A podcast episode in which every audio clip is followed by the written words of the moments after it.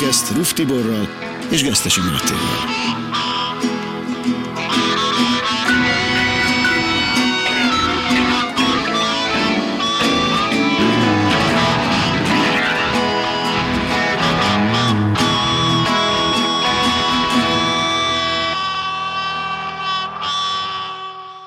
Nagyon sok szeretettel köszöntöm a hit filozófiájának a hallgatóit.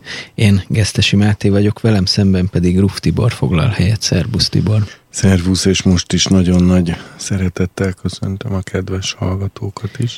Ez a 13. része ennek a műsornak, e, és azon belül is immáron a harmadik adása a törvényről szóló sorozatnak, és legutóbbi beszélgetésünk végén azt az ígéretet tettük, hogy most elkezdjük részletesen tárgyalni a törvény megértésének a szempontjait. Úgyhogy Igen. ezennel most át is adnám a szót. Akkor én először egész röviden átismétlem, hogy miről volt szó azért, hogy bárki be tudjon kapcsolni, illetve akik hallgatták a múltkorit, azok föl tudják venni újra a fonalat. Tehát a teljes mózesi törvény, azaz a Tóra, azaz a Mózes öt könyvében található egységes erkölcsi, államigazgatási és rituális rendszernek, vagyis a mózesi törvénynek, Tórának a, az értelmezési kérdéseivel foglalkozunk, a legalapvetőbb értelmezési kérdéseivel, amire azért van szükség, mert ez 613 parancsot tartalmaz, de ez a 613 parancs egy teljesen egységes rendszerben van, és ennek a bonyolultsága, összetettsége miatt a történelem során rengetegszer előfordult, sőt az egyház történelemben túlnyomó részt az dominált, hogy a törvényhez való viszonyt, illetve a törvénynek a kérdéseit, a törvénynek az alkalmazási kérdéseit zsidóságra, nem zsidókra, általános emberi létezésre rengetegszer félreértették, félremagyarázták az elmúlt 2000 évben, jobbra is, balra is, szigorítás felé is, meg a túlenyhítés irányában is, és ez mindig emberi sorsok, sőt nem csak egyének, hanem egész kollektívumok, egyházak, nemzetek életében e, pusztító erőként e, jelent meg, ami rá is nyomta erősen a bélyegét az elmúlt 2000 év európai történelmére, és mind a mai napig azt lehet látni, hogy a történelmi kereszténységnek ezekből a hordalékaiból, tévedéseiből az egyház még mind a mai napig teljes mértékben nem tisztult ki. Ma is rengeteg félreértés van ezeken a területeken, ez néha ma is rossz cselekvési programokat ö, szül ö, egész nagy létszámú és befolyásos keresztény közösségek életében, akik emiatt aztán tévesen cselekszenek, amiből rengeteg kár származik, vagy tévesen beszélnek, vagy tanítanak, és én ezért szeretném áttekinteni ezeket az alapelveket. Na most ugye a múltkor felsoroltam érintőlegesen, hogy mik azok a fő szempontok, amik nek az egyszerre való alkalmazása szükséges minden egyes konkrét esetben ahhoz, hogy valaki a törvény bármely részletével vagy parancsolatával kapcsolatban el, el tudjon igazodni. Hogy az kikre érvényes, kikre nem érvényes, kikre kötelező, kikre nem kötelező, milyen feltételek mellett kötelező, vagy milyen feltételek mellett nem kötelező, és így tovább, és így tovább, és így tovább. Ez egy komplett tudománya, hogy ezt a múltkori adásban is hangsúlyoztam. Én azért bátorkodom ez a kérdéshez így hozzászólni, mert az elmúlt húsz évben ezt intenzíven tanulmányoztam, és a később a rabbi képzőn elvégzett PhD kurzus keretében pont azért is választottam ezt a témát a doktori disszertációhoz, hogy mert ez érdekelt a legjobban, és ezt kutattam ki a legalaposabban. Természetesen ez nem egy befejezett kutatás, és állandó és egész élethossziglan tartó gondolkodást és tovább kutatást igényel, de bizonyos alapvető kérdések úgy éreztem, hogy már hogy tisztázódtak számomra, és ezeket szeretném azért megosztani, mert rengeteg károkozást látok ezen a területen, amikor keresztények is, még a mi egyházi közösségeinkben is előfordul, hogy egymásnak ezen a területen téves instrukciókat vagy téves tanácsokat adnak, amitől aztán adott esetben emberi sorsok mennek tönkre. Pásztorlásban is szolgálok 30 éve, és azt kell, hogy mondjam, hogy igen, nagy százalékban történnek nagyon komoly életvezetési válságok, azért, mert valaki vagy maga értelmezte félre és rosszul ezeket a kérdéseket, vagy valaki más rosszul értelmezve adott neki tanácsot vagy útmutatást. Világos. Tehát ez létkérdés szerintem, és, és meg vagyok róla győződve, hogy bőségesen el is jött már az ideje annak, hogy az egyház ezen a területen levetkőzze a történelmi kereszténységnek gyakorlatilag már a második század óta elkezdődött ennek a félreértelmezése, és a második századtól e, egészen szinte a 20. század közepéig túlnyomó részt a dolognak a félreértése dominált az egyházban. Most a judaizmusról annyiban azért nem akarok beszélni, mert később kitérhetünk rá, kétségkívül ott is megtörtént e, számos félreértés, ami ö, ö, szintén rossz irányba vitt el dolgokat, de, de a judaizmus, ö, hogy mondjam, bármilyen furcsán hangzik, és e tekintetben kicsit nyitottabb a korrekcióra, mert a rabinikus iratok maguk is tartalmazzák azt, hogy hogy ők maguk, ta, hát meg tartalmazzák azt, hogy ők maguk Nem is tartalmaznak tévedéseket. Igen. És ezért tovább kutathatók és javíthatók. Hát ez sokkal szimpatikusabb, de én a Szent Pál Akadémia összes jegyzetének is azt látom az előlapján, hogy ez nem lezárt, és még vitatható, és nem tudom micsoda. Tehát, hogy azért ezt a gyülekezet igyekszik így kezelni, úgy veszem észre. Hát Sándor mindig törekszik, és folyamatosan és erőteljesen, hogy a gyülekezet ne dogmatizálódjon. Mm mert van egy hajlam rá. Ez egyébként, ahol hívők vannak, ott a dogmatizálásra mindig van hajlam, mert, mert könnyebbé teszi a hívő életet, hogyha előre gyártott panelekkel dolgozunk, és nem kell mindent külön-külön nagyon részletesen górcső alá venni, vagy elemezni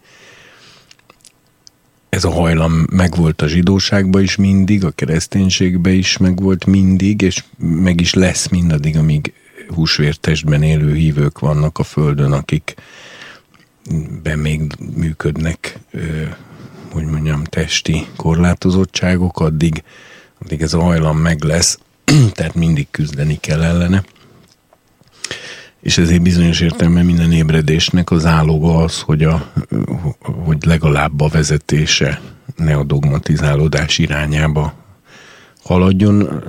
Sándor pedig ezt következetesen érvényesíti e, kezdettől fogva, és hát ez hála Istennek megőrzi a gyülekezet nyitottságát, majd nyilván a következő nemzedéknek lesz egy nagy felelőssége, hogy ezt fent tudja tartani, vagy pedig a dogmatizálódás irányába mozdul el, de hát egyelőre ez most még nem. Kérdés, illetve hát van minden létező hívő közösségbe, és ez a jó szándéktól és az igazi hittől független, hogy, hogy ez egy állandó harc, harc terület, mert, mert egyszerűen az emberi természetben benne van az a hajlam, hogy a hitnek a látszólagos bizonytalansága helyett inkább a tudás látszólagos biztonságával pótolja a hitet, és ez, ez vezet dogmaképzéshez. Tehát, hogy a, a, a látszólagos, ezt nagyon szépen mondtad, hogy a hitnek a látszólagos bizonytalansága miatt van szükség, de mi, mi, mi köze a dogmáknak a, a tanuláshoz, vagy a tudáshoz? Hát az, hogy a, do, a dogma az, az, az azt jelenti, amikor egy hit igazságból egy rögzített tudást gyártanak. Á, értem. És az, az akkor már nem a szívben van, mert a hit az a szívben van, a rögzített tudás az meg az értelemben van, és akkor az ember látszól úgy tűnik, mintha hitben élne, amikor dogmákat követ, de valójában ezért értelemvezetett élet, mert a dogmák azok a fejben vannak, nem a szívben.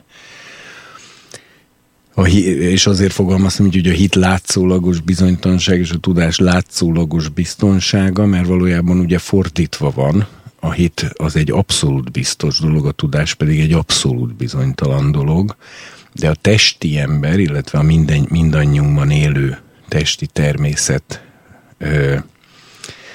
az abban benne van az a nehézkedési erő, az a földhöz ragadtság, az a hitetlenség, az a, az a mindig valami érzékileg megfogható, vagy elgondolható támaszt keres, és valahogy nem akar a szívnek a bizonyosságára támaszkodni, és ezért mind ez hozza létre ezt a dogmaképző tendenciát. De hogy ne menjünk el nagyon a témától, hogy visszatérnék, hogy tehát most megkérdeztem volna természetesen azt, hogy de igen, pont, pont ezt akartam én is javasolni, hogy ne menjen el teljesen másik irányba, de a, azt hiszem, hogy a, a múlt órán, múlt órán, mert hiszen ez, ez másfajta struktúra, amit most követünk, ez inkább egy tanórához hasonlít. Lehet, hogy nagyon le is fog esni a hallgatottsága. Majd ellenőriz, légy Hát szíves. nem, mert én sokkal kevesebbet beszélek, és ez szerintem nagyon tetszik az embereknek. És na most, a, a, tehát, tehát az előző órán azt vettük át, hogy, hogy, hogy azt hiszem, hogy egyébként, hogy milyen szövetségek voltak az eddigi korokban, és hogy ez alapján lehet tudni, hogy nagyjából hogyan szűkülnek a különböző halmazok. Hogy De azt nem vettük át alaposan. Na hát akkor alaposan vegyük át, jó? Vagy még szeretnél volna elő, valamit mondani? Előtte még felsorolom azt, hogy mik azok a szempontok, mert ott hagytuk abba. Tehát még egyszer mondom, pont azért, mert én viszont igenis tartok attól, hogy a hallgatottság amiatt fog esni, hogy erről van szó, és nem amiatt, hogy te kevesebbet beszélsz. Szóval ezért azt szeretném még egyszer mondani, hogy a törvénynek, tehát a Biblián belül a törvénynek az ismerete, az egy tudomány. Pálapostolnak van az a mondata, amit már többször is idéztem ennek kapcsán az elmúlt alkalmakkor, hogy hogy az egyházban vannak némelyek, akik törvénytanítók akarnak lenni, és e, miközben nem értik sem, amit beszélnek, sem, amit erősítgetnek, ezt vehetjük alapigének az egész, ehhez az egész sorozathoz, hogy a, hogy, a, a tör, hogy a törvény az egy olyan területe a Szentírásnak, ahol egy valódi, összetett, bonyolult, strukturált, összefüggő tudomány van, és ez a tudomány megkerülhetetlen. Tehát aki ezt a tudományt nem hajlandó megtanulni a szó szoros értelmében, az inkább ne nyilatkozzon semmit a törvény parancsainak az konkrét érvényessége, nem érvényessége, kire érvényes, kire nem érvényes, hogyan érvényes, milyen feltételek mert érvényes, stb.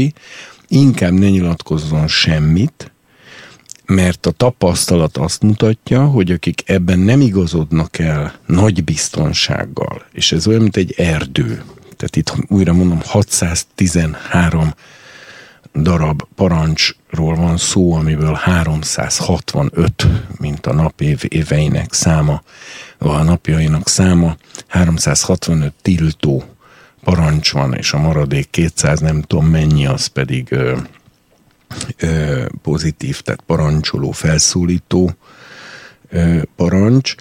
248.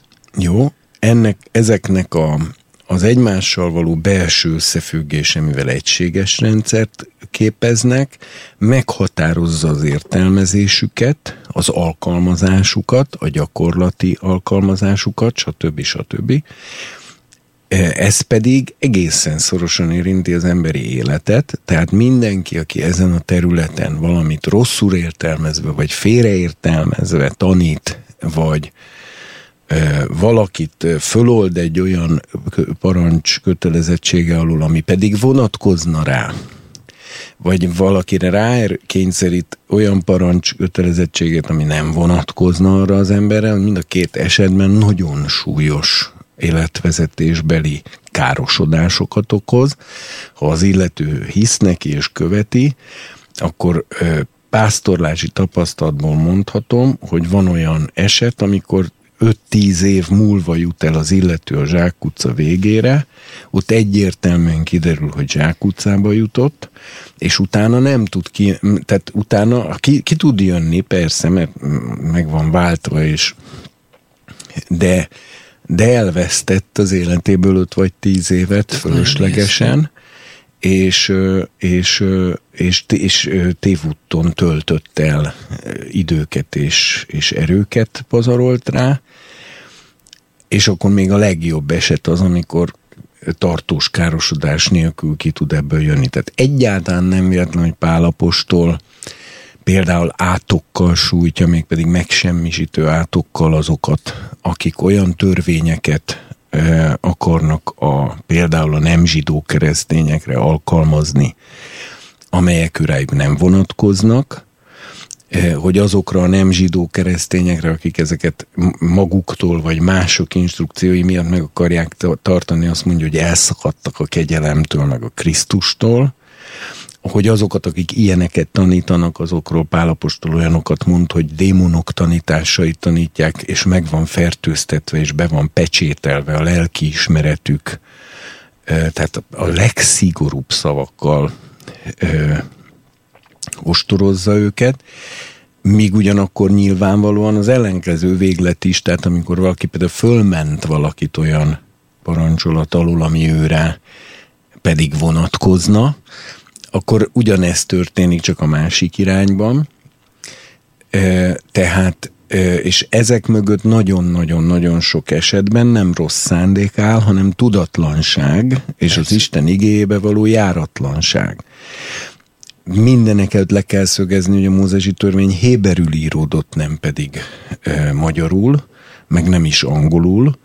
Minden fordítás már az eredeti szöveg sajátosságait komolyan módosítja, mert például a Héberben a felszólító módot, ami ugye egy parancsnál magától értetődő, hogy felszólító módban van, azt a Héber ki tudja fejezni felszólító móddal is, de ki tudja fejezni egyszerűen csak folyamatos kijelentő móddal is, és ezért például a parancsok igen nagy része az állításként is fölfogható, nem csak parancsként, mert nem mindegy, hogy ö, úgy ö, értelmezem, hogy szeresd az Urat, a te Istenedet teljes szívedből, teljes lelkedből, teljes elmédből, vagy minden erődből, vagy pedig úgy értelmezem, hogy kijelentő módú állításként, hogy szereted az Urat teljes szívedből, teljes lelkedből, Egyébként teljes elmédből és minden erődből. A, a, a tavalyi... És ez például csak a Héberben jön ki,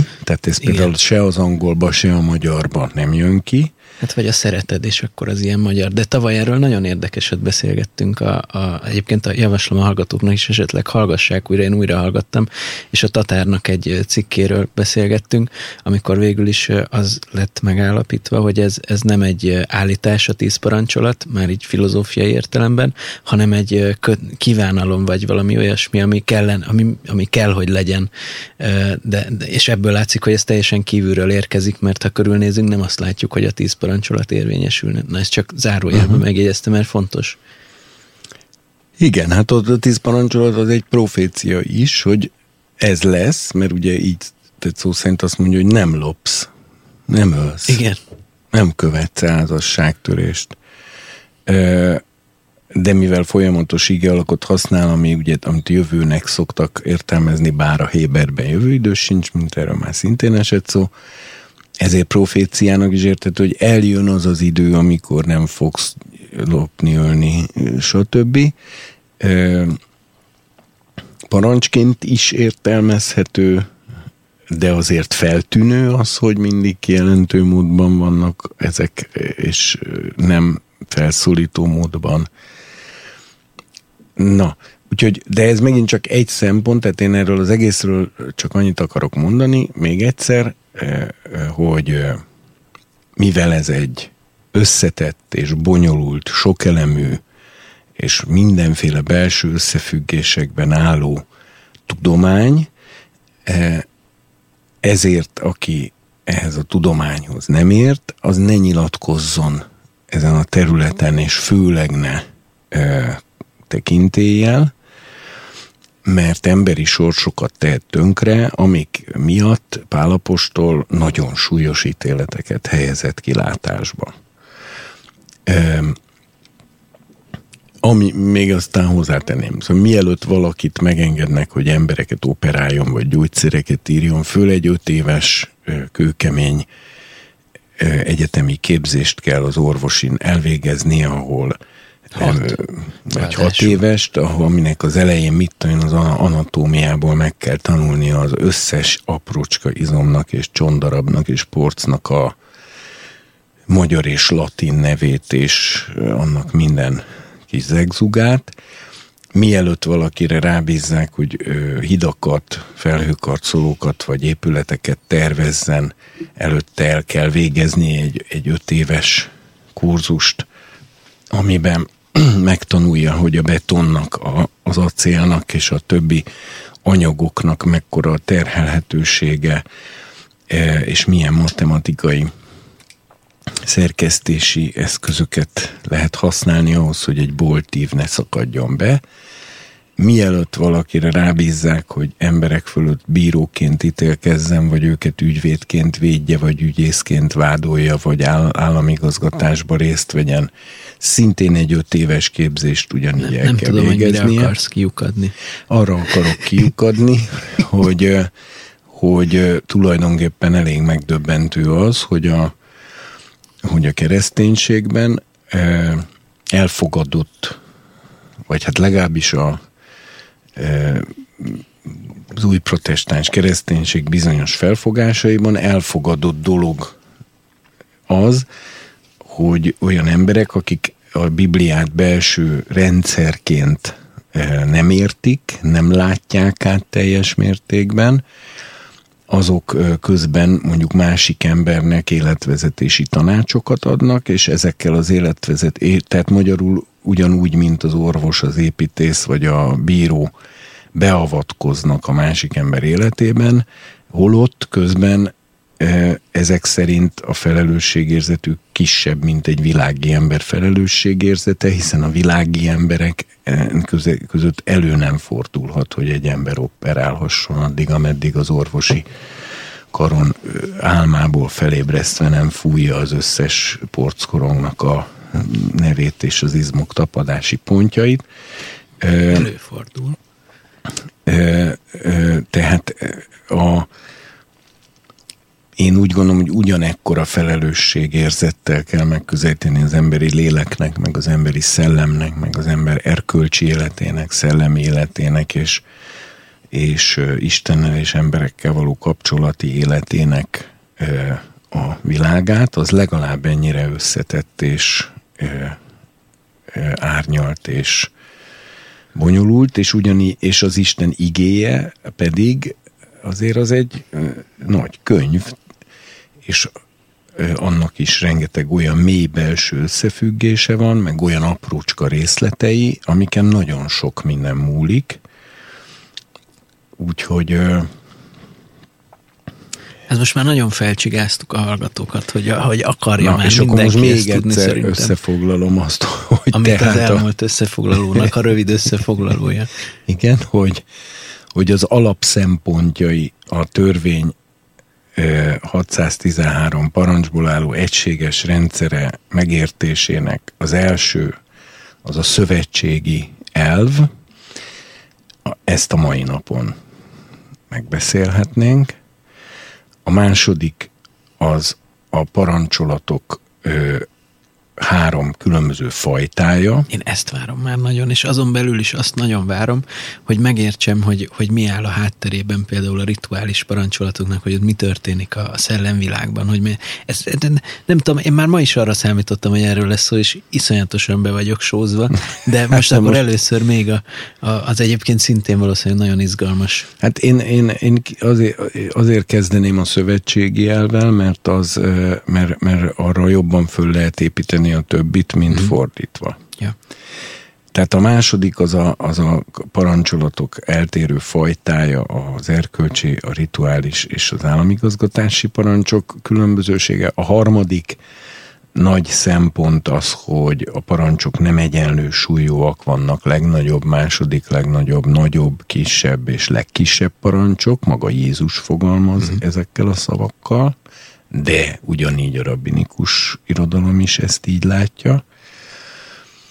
A negyedik szempont az, ezt azt a múltkor ki is hagytuk, hogy a tiltó és a parancsoló jellegű, fel, tehát tiltó és felszólító jellegű parancsok között is ez a, ebből a szempontból is van különbség.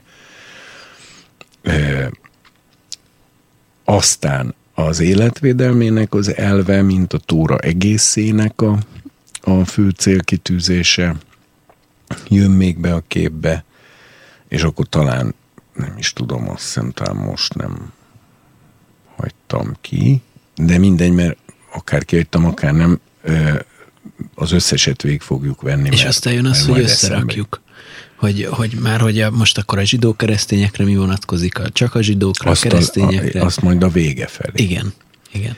Az, és, az hogy a, és hogy a, ö, ö, amit most még nagyon fontos elmondani, hogy minden egyes eset, minden egyes esetben, minden egyes oda vonatkozó törvényi útmutatásnak az értelmezésében az összes most felsorolt szempont egyszerre játszik.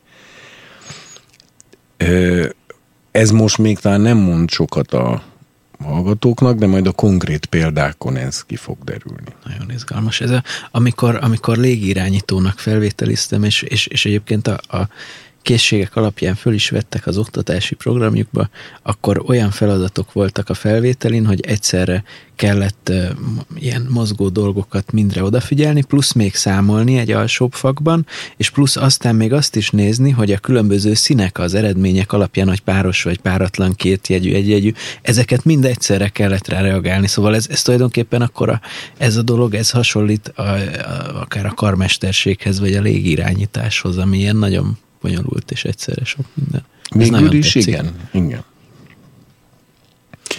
No, akkor kezdjük a szövetségi elvel. Uh-huh. Ezt már egy kicsit érintettük a múltkor, de akkor most ezt a mai ö, A maradék, maradék ezt- 10 percben. ezt ennek szentelhetjük. Jó. Tehát a szövetségi elvnek az a lényege, hogy Isten az emberiséggel való kapcsolatát és az emberiség különböző csoportjaival való kapcsolatát különböző korszakokban, különböző szövetségi, azaz szerződéses formában, hát hogy mondjam, határozta meg.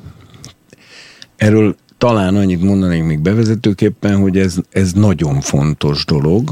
Az emberek is minden igazán fontos ö,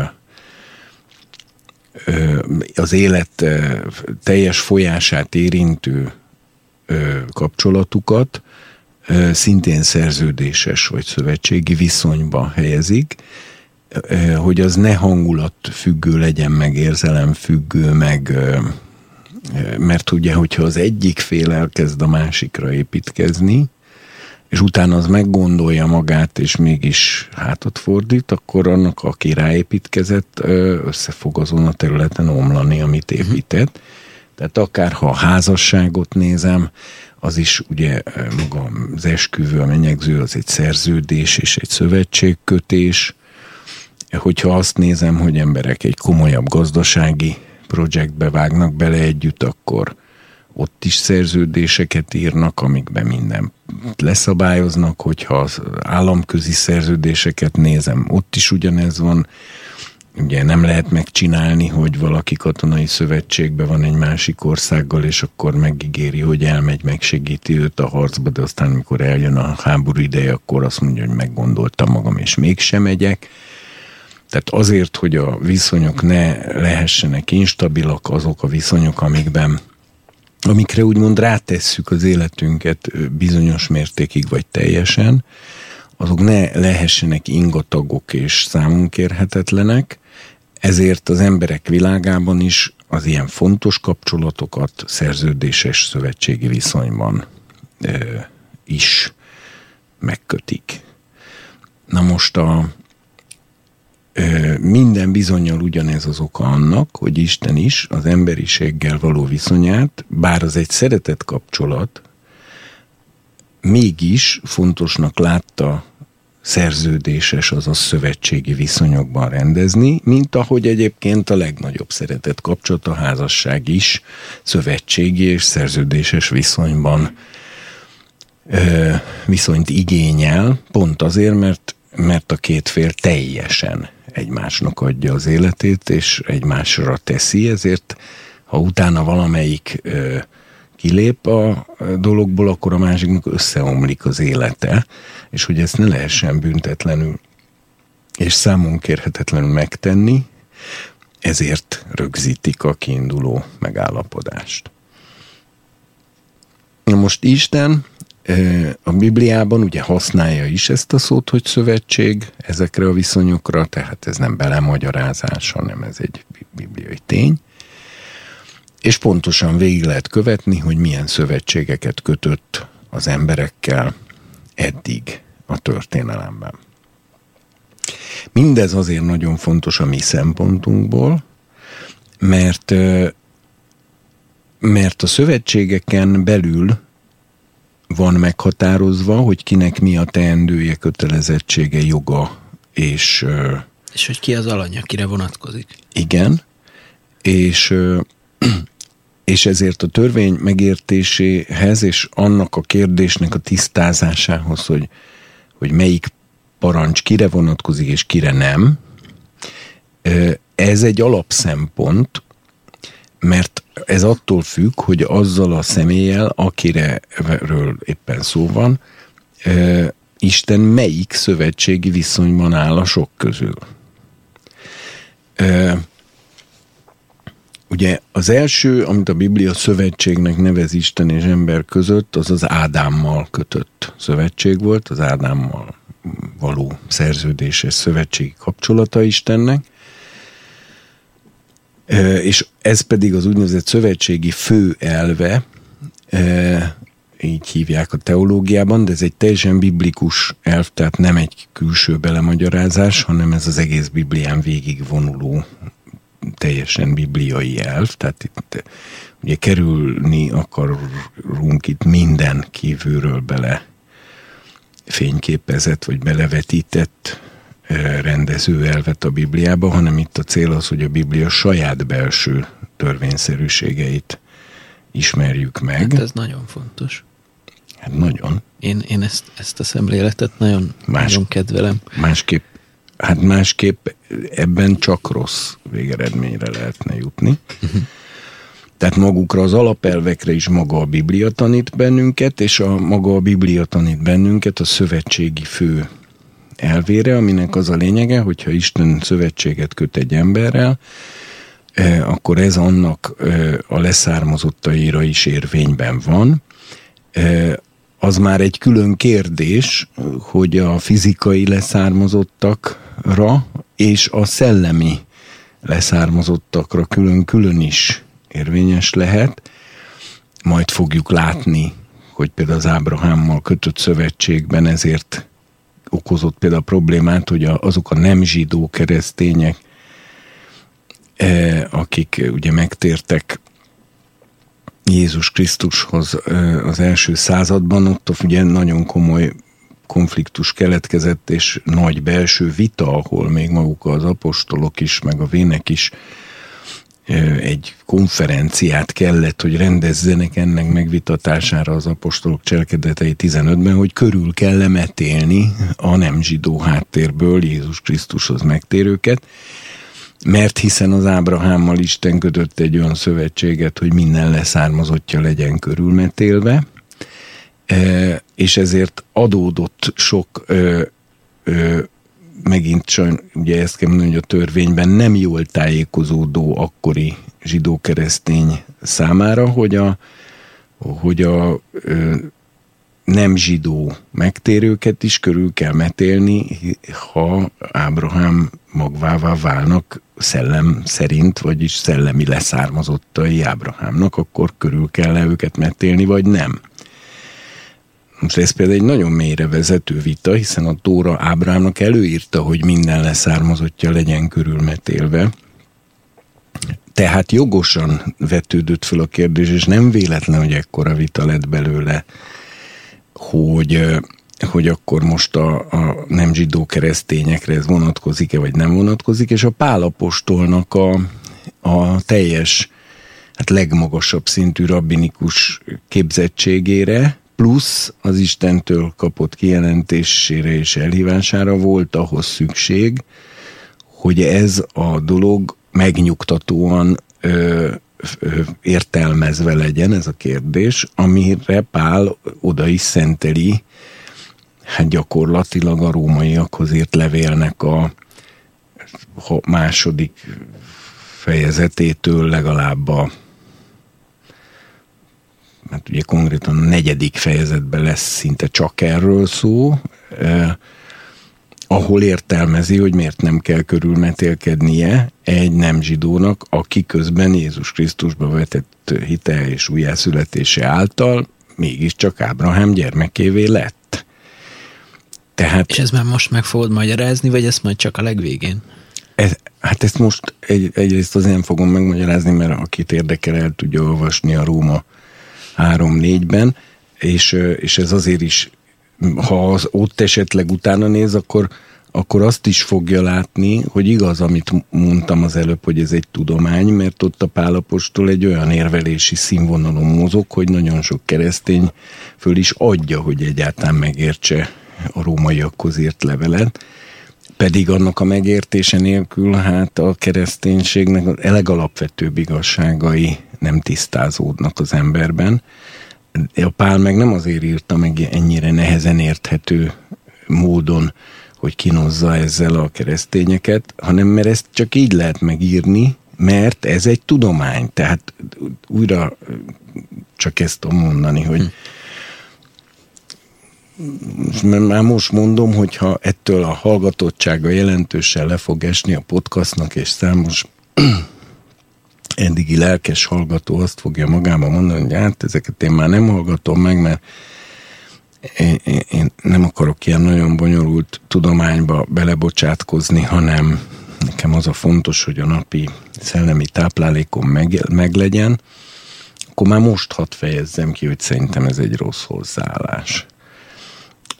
És hogy ezzel előbb-utóbb az ember a saját keresztény életének a, a lehetőségeit saját magának lekorlátozza, és utána csodálkozik, hogy miért nem mennek bizonyos dolgok. No, tehát na most a szövetségi főelve tehát az, hogy akivel Isten köt egy szövetséget, az az annak a leszármazottaira öröklődik tovább, de már ezen a ponton is, ahogy most a példával illusztráltam, jelentkeznek nehezebben feltárható kérdések. A má, igen, és akkor most akkor szerintem induljunk is el, tehát az Ádámmal kötött szövetség. De várj, bocs, csak hogy a, akkor, de, de ennek az az oka, mert hogy mondjuk az én lendő leszármazottaim ők már anyag szempontjából itt vannak bennem. Tehát, tehát a, a, a szövetség velem köttetett, az rájuk is automatikusan érvényes. Nem minden, azért mondom, hát mondom, tudom, itt, itt egyszerre sok szempont fog érvényesülni, most először külön átvesszük a szempontokat, és aztán elkezdjük játszani. De ezt sem lehet sajnálatos módon ennyire sziklaszilárdan kijelenteni, amit most mondtál, mert például a Jézus Krisztusba vetett hitből való újjászületés, az egy olyan jellegű e, saját döntésen alapuló szellemi újjászületés, amit például egy keresztény apa automatikusan nem tud tovább örökíteni pusztán genetikailag a gyermekeire, mert azok nem spórolhatják meg, hogy ők, őnekik is meg kell hozniuk ezt a döntést, és újjá kell születniük egy bizonyos életkorban. Na jó, de az Például ez is nagyon félre lett értve a kereszténység történelmében, amikor a csecsemő keresztség bevezetésével tulajdonképpen megspórolták az embereknek a döntést is, a személyes hitet is, és az újjászületést is, és úgy értelmezték a csecsemőkori kori keresztséget, mint ahogy a zsidóságban a körülmetélést, csak az az óriási különbség, és itt már ez már például jól betekintést ad, hogy a szövetségek mennyire különbözőek, hogy hogy a zsidóságba, abba tényleg bele születik az ember, és azt nem kérdezik meg tőle, abban nincs saját döntés, hogy Woody ellen egyszer viccesen úgy fogalmazott, mikor megkérdezték, hogy mi a vallás, akkor azt válaszolta, hogy én Héber meggyőződésűnek születtem. Hm. Ami ugye egy, egy nagy paradoxon, mert hogy lehet egy meggyőződésre születni. Érdekes. De ez a paradoxon, ez tulajdonképpen magának a zsidóságnak a lét, lét, létalapja, hogy egy meggyőződésre születik. Hm. E, tehát, hogy nem e, abba, hogy valaki zsidónak születik, ő neki nincs döntése, és abba, hogy nyolc napos korába körülmetélik, nincs neki döntése, és mégis ő egy szövetség részesévé válik, és akár tetszik neki, akár nem, ez a szövetség őt kötelezni fogja. És ugyanezt megpróbálták átvinni a Jézus Krisztusba való szellemi újjászületés a vízkeresztségre, hogy akkor viszont a kereszténynek meg keresztény gyereke születik, és akkor neki sincs erről döntése, hanem csecsemőként belekeresztelik, és akkor akár tetszik neki, akár nem, ő már keresztény. Csak az a probléma, hogy itt már például, ez például egy tipikus esete egy történelmi léptékű félreértésének ezeknek a szövetségi viszonyoknak, mert a kereszténység nem olyan természetű valóság, mint a zsidóság, mert a kereszténységben nem természetes etnikai alapon születik bele egy ember Isten népébe, hanem saját döntése révén, míg a zsidóságban pedig nem a saját döntése révén születik Istennel kiválasztott szövetségi viszonyba, hanem, ö, hanem merőben rajta kívülálló okokból. Tehát Oké, okay, értem. De, de egy zsidó az... egy olyan ember, akinek akár tetszik ez, akár nem viszonyban áll Istennel, még ha föllázad ez ellen, és egészen az ateizmusig megy el, akkor se úgy ateista, mint ahogy egy nem zsidó ateista, hát mert igen. egy zsidónak az ateizmusa az egy Isten viszony, ő úgy ateista, hogy ő ateista akar lenni, mert haragszik Istenre, stb. Nem pedig úgy ateista, mint egy világi, egy nem zsidó ateista, akinek nincs viszonya Istennel. A zsidónak ebben az esetben is van viszonya Istennel, csak az egy negatív viszony, de van viszonya. A pogány embernek alapvetően nincs viszonya Istennel, se pozitív, se negatív, a zsidónak minden esetben van viszonya Istennel, és csak arról tud dönteni, hogy az negatív legyen-e vagy pozitív, de arról nem tud dönteni, hogy ne legyen viszonya vele, mert ez adva van számára, akár akarta, akár nem. A keresztény meg olyan ember, aki úgy dönt, hogy viszonyba akar, még pedig pozitív viszonyba akar kerülni Istennel. Tehát ez például az emberiség három nagy e, csoportja az Isten viszony szempontjából, a, a pogány, a zsidó és a keresztény, és mind a három filozófiai, egzisztenciál, filozófiai mélységig teljesen más, ö, hogy mondjam, világban él, teljesen más Isten viszonyban él. A zsidó nép kiválasztottságához hozzátartozik az, hogy nincs benne döntése a tagoknak arról, hogy ők ezt akarták-e vagy nem. A kereszténység e, szintén kiválasztott nép mi voltához pedig lényegileg tartozik hozzá, hogy mindenkinek személyesen kell döntenie erről a viszonyról. E, és ez két teljesen különböző szövetségi viszony. Na most ezt azért mondom, mert ugye az előbb úgy tetted fel a kérdést, hogy akkor tehát ha a szövetségi fő elve érvényes, akkor mondjuk egy keresztény apának szükségképpen minden gyereke keresztény lesz, de hát ez nem teljesen van így. Ez akkor csak az Ádám, vagy az Ádámnál így van legalábbis. Az Ádámi szövetségben még így van, a Noéval kötött szövetségben így van, az Ábrahámmal kötött két szövetség egyikében így van, a másikában nem így van.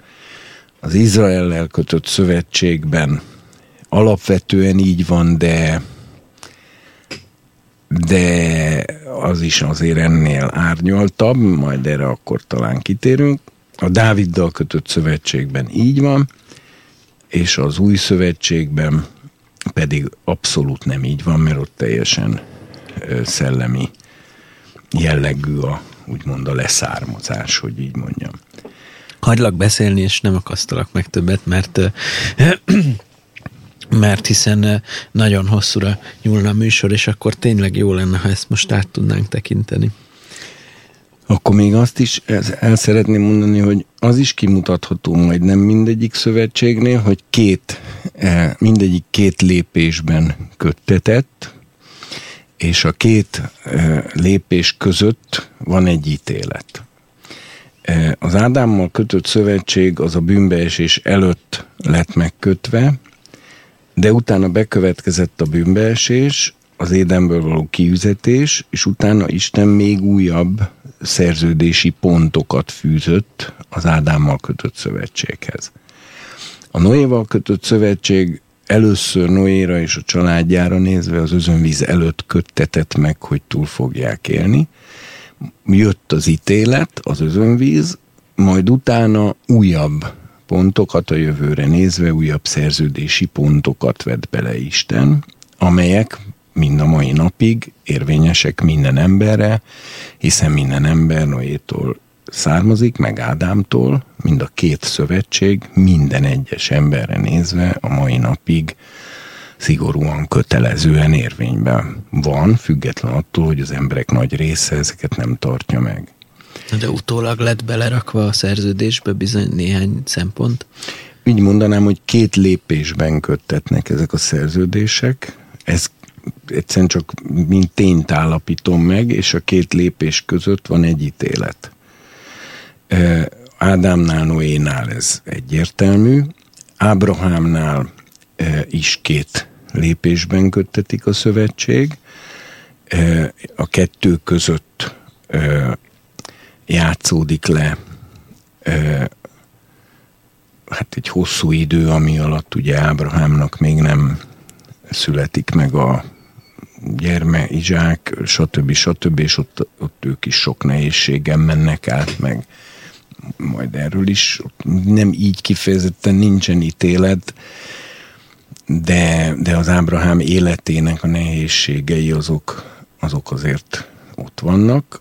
Akkor utána az Izraellel kötött Szinájhegyi illetve hát a, tehát a Mózes által kötött ö, ö, szövetség Izraellel az egyszer a Sinai hegyen megköttetik az első nemzedékkel, de utána ez az egész első nemzedék elpusztul, és például az Mózes ötödik könyve, az már kizárólag a második nemzedék, azt kizárólag a második nemzedék hallja, mert amikor azt elmondja Mózes, akkor már a Józsué és Káleb meg ő maga kivételével mindenki halott az előző nemzedékből, és hát a Mózes 5. könyve még új parancsokat is tartalmaz, például a szeresd az urat, a te istenedet parancsát, amit ezek szerint az első nemzedékből senki soha nem is hallott. E, tehát magyarul a, a Izraellel kötött teljes turai szövetség az szintén két lépésben köttetett, és a kettő között egy ítélet e, történt. Ez az első nemzedék elpusztulása a sivatagban. A második nemzedékkel pedig újra szövetséget köt, ez a Mózes 5. könyvének a végén világosan látható, hogy ott egy új szövetségkötés történik a Moab mezőségén közvetlenül az ígéret földjére való bevonulás előtt. Akkor utána jön a Dáviddal kötött szövetség, ahol ezt a kettősséget nem lehet ennyire egyértelműen kimutatni, de azért ott is azt lehet látni, hogy az elején Nátán proféta jelenti be Dávidnak, hogy vele és leszármazottaival is egy speciális szövetséget köt, Viszont ezek után bekövetkezik Dávid bukása, házasságtörése, gyilkossága, sőt később a népszámlálás, ami miatt 70 ezer ember hal meg. Tehát Dá, és, és Dávid átmentleg el is veszti a királyságát, tehát ő is átmegy egy nagyon mély ítéleten, míg aztán élete végén Salamonra nézve megerősítetik ez a szövetség, és így öröklődik tovább tehát itt is azért kimutatható ez a kettősség, és végezetül az új szövetség megkötésében is kimutatható, mert Jézus Krisztus az utolsó vacsorán megkötötte az új szövetséget mindazokkal, akik hinni fognak az ő megváltó halálában és föltámadásában.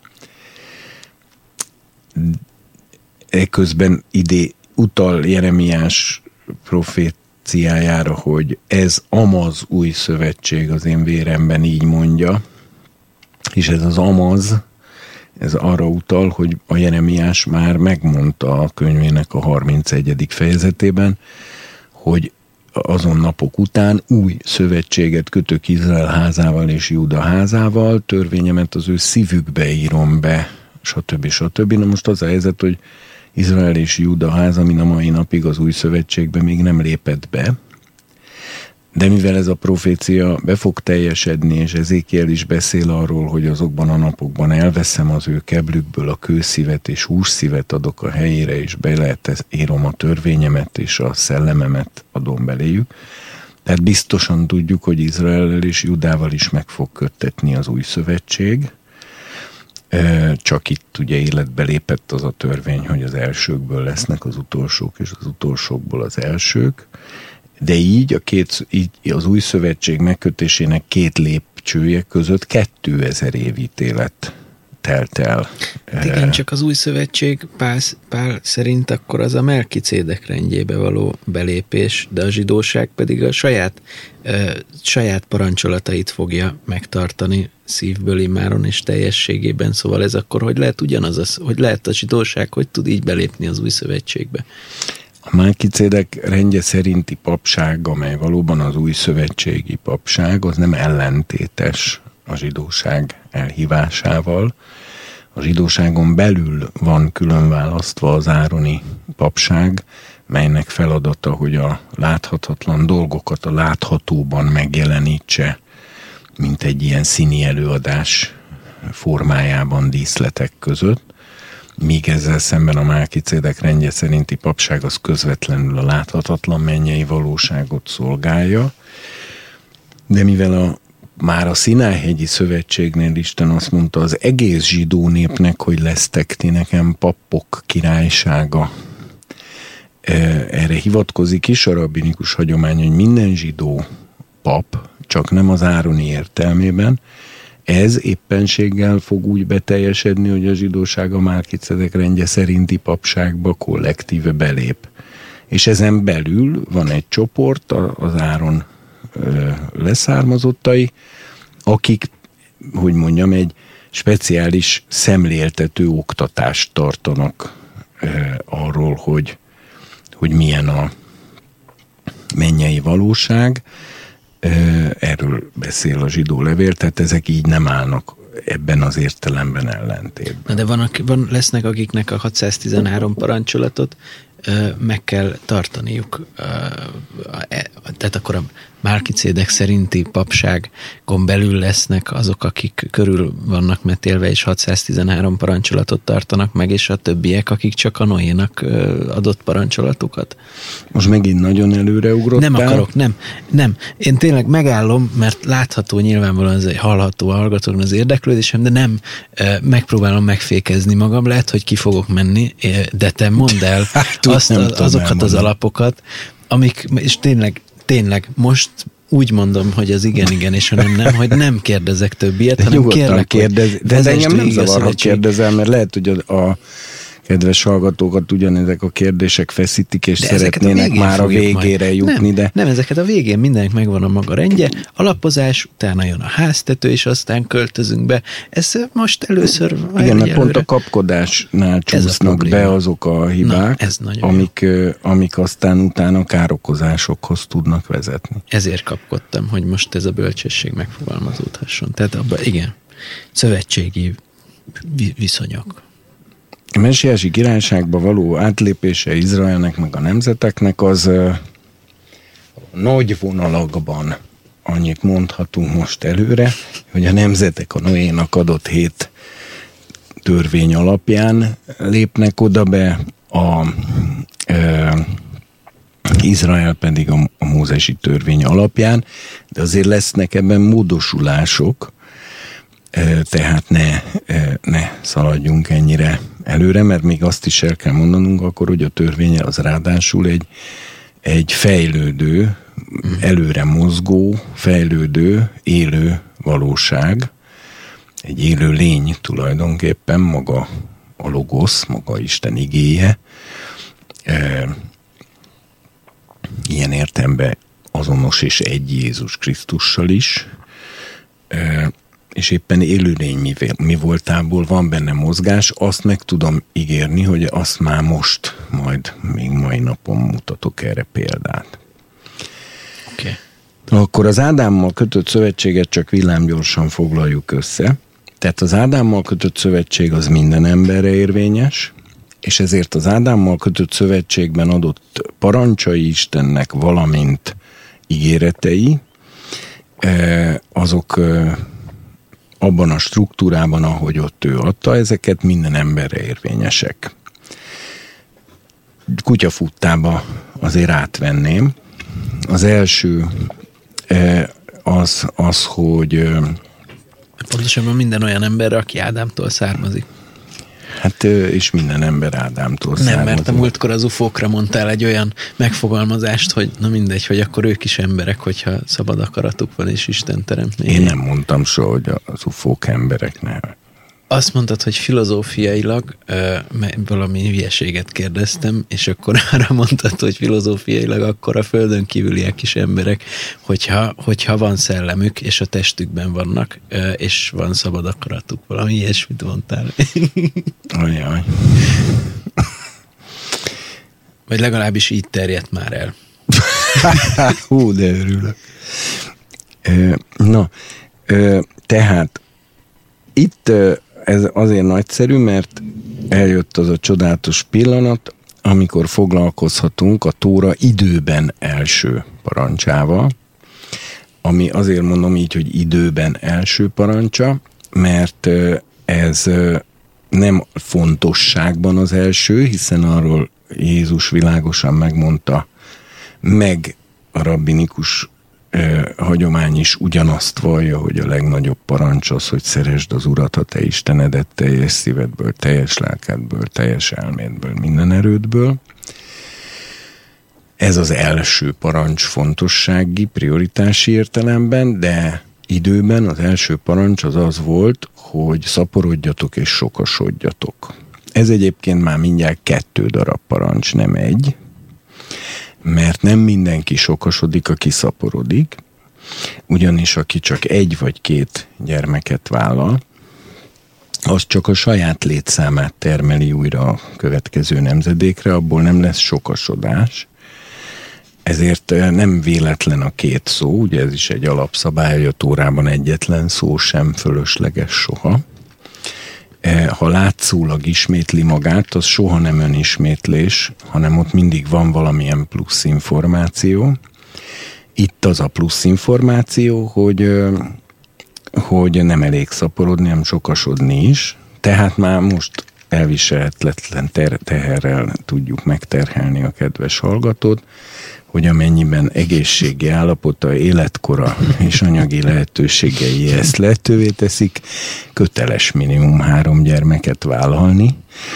E, most erre nyilván valaki megkérdezheti, hogy na és mi van azokkal, akiknek cölibátus ajándékuk van azok rendkívül sok szellemi utódot vállalnak, tehát ők nem ok nélkül vannak cölibátusban, hanem azért, hogy garmodával nemzék a beszédük által az újjászületett keresztényeket, és nekik ebben az értelemben ez a szaporodásuk és a sokasodásuk. De nyilván ennek normális esetben az alap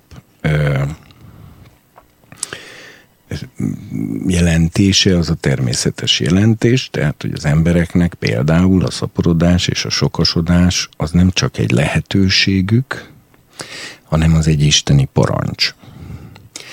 E, és akkor még csak az első parancsnál tartunk, és ez minden emberre érvényes parancs, és már is el lehet kezdeni gondolkodni, mint ahogy mondja az ige, hogy az boldog ember, aki éjjel-nappal ezen gondolkodik az Isten törvényén, és ebben gyönyörködik, mert a törvényen gondolkodni az, az egy rendkívül édes és gyönyörűséges ö, érzés, hogy ö, például ma, amikor a Föld már benépesedett, vajon kötelezze bennünket még ez a parancs? Mert hiszen rengetegen mondják a nyugati civilizációban, hogy már ne vállaljunk több gyereket, mert már túl kevés az ivóvíz, meg a levegő, meg a nem tudom mi.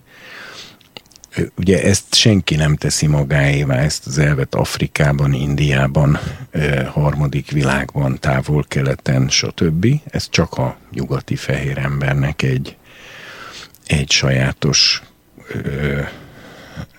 elrugaszkodott koncepciója, amiből az fog következni, hogy amennyiben a nyugati fehér ember ezt túl komolyan veszi és megszünteti a szaporodását és a sokasodását valamiféle aggályból a föld túlnépesedése irányában, akkor ő el fog fogyni, és uh-huh. akkor az a helyzet áll elő, mint mondjuk Németországban, hogy, a, hogy olyan alacsony a természetes helyi szaporulat, hogy az már nem tudja ellátni a, a megöregedő embereknek a nyugdíj szükségletét, és ezért tömegesen be kell hívni embereket más kultúrákból és civilizációkból. Tehát magyarul csak azt akarom mondani, és akkor állást is foglalok ebben a kérdésben, hogy mindaddig, amíg Isten nem oldja föl ezt a parancsot, az ádámi fajra, azaz az emberiségre nézve, mert ugye maga Ádám azt jelenti héberül, hogy ember, addig ez a parancs érvényben van, tehát még csak az elsőnél tartunk a 613-ból, és már az, az a megdöbbentő tényel szembesülünk, mert én azt gondolom például rengeteg keresztényben sincs ez teljes mértékben tudatosulva, hogy amennyiben nincs cölibátus ajándéka, egészséges, az életkora ezt lehetővé teszi, és hajlandó vele valaki összeházasodni, akkor ez a kötelezettség áll, és akkor tulajdonképpen három gyerek alatt nem kéne megállni. És akkor végül az is kiderül, hogy itt van egy, hogy mondjam, tehát hogy ez, egy, ez nem, tehát hogy ebben van kötelezettségszerű elem, tehát ez nem egy abszolút szabadon választott kérdés, hanem ez az emberi létezésnek egy egyetemes alaptörvénye. Nagyon érdekes, hogy ott nem parancs szót használ a Biblia, hanem hogy megáldotta őket Isten mondván, szaporodjatok és sokasodjatok. Ami ben még egy fantasztikus, érdekes dolog derül ki, hogy tulajdonképpen úgy mondhatnám, hogy a Biblia első parancsa az egy áldás. Hm. Amiből egy kicsit az is kiderül, hogy valószínűleg minden parancsa áldás. De, a, de az, hogy az első parancsa az, egy, az egyben egy áldás is, ennek van még egy érdekes következménye, és ez pedig az, hogy ez nem csak egy kötelezettségként lett átadva, hanem ezt Isten az áldásával, hogy mondjam, bele is sugározta az emberbe, és ezért van az, hogy a, hogy a fajfenntartásnak a biológiai ösztöne az olyan elemi erejű, eh, hogy ugye sajnálatos módon azóta is eh, azt tapasztalja az emberiség, hogy a szexualitás az egyik olyan terület, amit a legnehezebben képes uralni, mert olyan erős eh, biológiai és pszichikai erővel lép föl a személyiségben, hogy azt, azt szinte a történelemben a legtöbb problémát okozta ennek a kordában tartása, de tulajdonképpen ez azzal az áldással függ össze, hogy Isten ezt nem csak a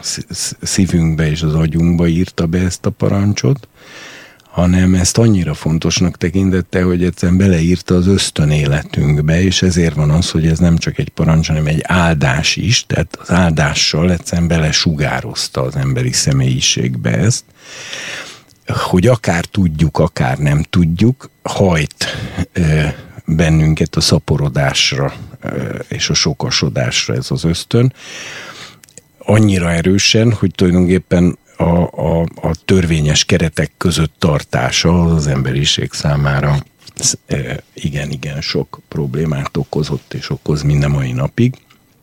Pedig ez egy áldás miatt van így, tehát ez egy áldás. No, a második... Az... De, és mi, de és mi a szankciója ennek, ha ezt valaki nem csinálja? Ez egyrészt kötelező, tehát ez olyan típusú, akkor, akkor most erre hadd kérdezzek rá, hogy az ádámi parancsolatok azok az, az, az, gyakorlatilag teljesen olyan, mint hogyha, mint mondjuk a tíz parancsolat, vagy szóval nagyon kötelező, vagy lehet szabad akarattal is azért erre reagálni. És mi van, ha nem? Ha azt választod, hogy nem.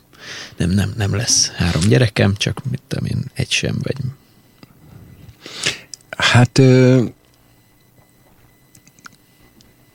jó kérdést tettél föl. Azért azt gondolom, hogy a Bibliában vannak vannak ezzel kapcsolatban hát megfogalmazva nem szankciók, mert ugye az Ádámnak adott szövetségben olyan értelembe vett szankciók, mint később az Izraelnek adott szövetségben még nem voltak, és főleg nem a bűnbeesés előtt megkötött részében. De hát azért később is azért sokat mondanak ilyet a proféták, hogy jaj annak, aki apjának azt mondja, miért nem zesz, és anyjának azt mondja, miért szülsz meg hát lehetne még sok más. Ugye a Biblián ez egészén végigvonul, hogy még ha valaki egészségügyi okból nem tud szaporodni, azt is bajnak tekinti a Biblia, nem pozitívumnak, tehát, tehát változtatni akar ezen.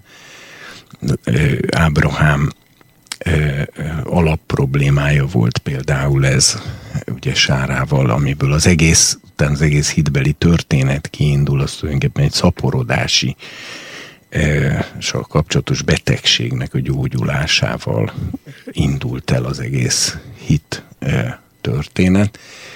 Tényleg. De hát lehetne még ezer más. Például, például mondok egy ilyet is, hogy például ha valaki úgy hal meg, hogy nem hagyott fiú magzatokat, mondja a Tóra később Izraelnek, e, akkor a testvére vegye el a feleségét, és támaszon magot az ő meghalt testvérének, hogy annak a neve nevesszen ki e, a nép közül, és akkor az így születő gyerek a, a halott ö, ö, a nevét igen, vitte igen. tovább. Tehát itt is például látszik, hogy a Tóra külön nagy gonddal gondoskodik arról, hogyha valaki nek ugyan volt gyereke, de fiú gyereke nem volt, aki tovább vinné a nevét, akkor a, és így meghal, akkor egész komoly, tő, hogy mondjam, apparátust mozgat meg annak érdekében, hogy ez pótlásra kerüljön. Itt Tehát, a név is nagyon fontos, ez külön érdekelne, hát, miért. De ez valószínűleg egy másik téma. De például arra már azért azt érdemes fölfigyelni, de és már most rögzíteni, hogy a Biblia különös gondot fordít arra, hogy, a, hogy egy embernek a neve tovább öröklődjön és fennmaradjon.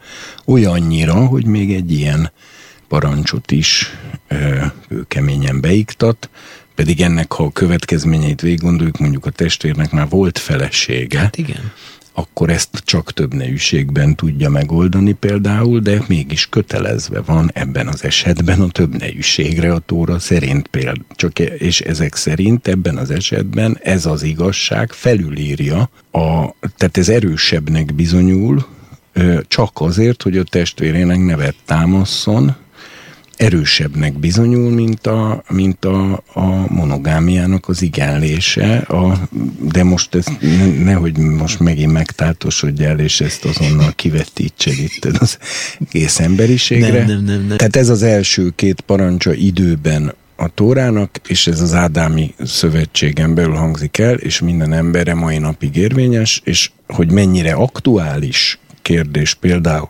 ebben helyesen állást foglalni, az például az említett vita, hogy ma egyre több ö, amerikai és európai ember hangoztatja, filozófusok, gondolkodók, szociológusok, mit tudom én, hogy nem kell tovább szaporodni, mert túl van népesedve a Föld, de tekintve, hogy ő rájuk egyetlen normális afrikai, dél-amerikai indiai, vagy kínai, vagy egy ember nem fog hallgatni, ezért tulajdonképpen ezzel ők a, a, az európai embernek az önkivégzését hirdetik meg.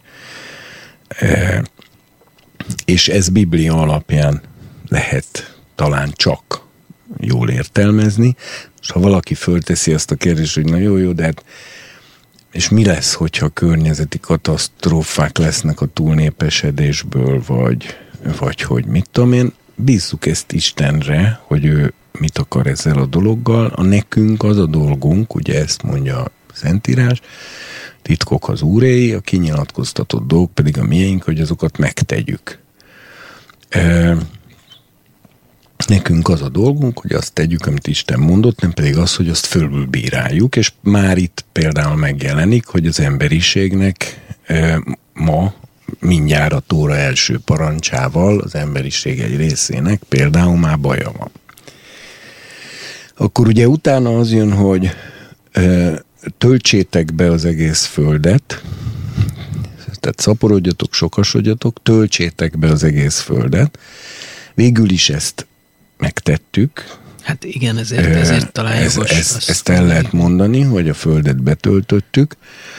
E, e tekintetben van néhány egészen különlegesen engedelmes nép, akik elvállalták a leglakhatatlanabb helyeknek a benépesítését, mint kiemelném az eszkimókat, különböző szaharai e, törzseket, meg hasonlók, és az az érdekes, hogy ezek az emberek végtelen szeretik a hazájukat, és nagyon kötődnek hozzá, és, és el nem tudják képzelni máshol az életüket tehát ebből is látszik, hogy ez bele van írva az emberbe, de ugyanakkor ezzel szemben is volt például Nimród idejében egy nagy lázadás, amikor is a Bábel torony építésénél azt fogalmazták meg, hogy építsünk tornyot, várost, szerezzünk magunknak nevet, hogy el ne széledjünk a föld egész színén, tehát együtt egy kupacba akartak maradni, és így lehet megérteni, hogy a nyelvek összezavarása és a népek szétszóra, szétszórása, szétválasztása Isten részéről nem egy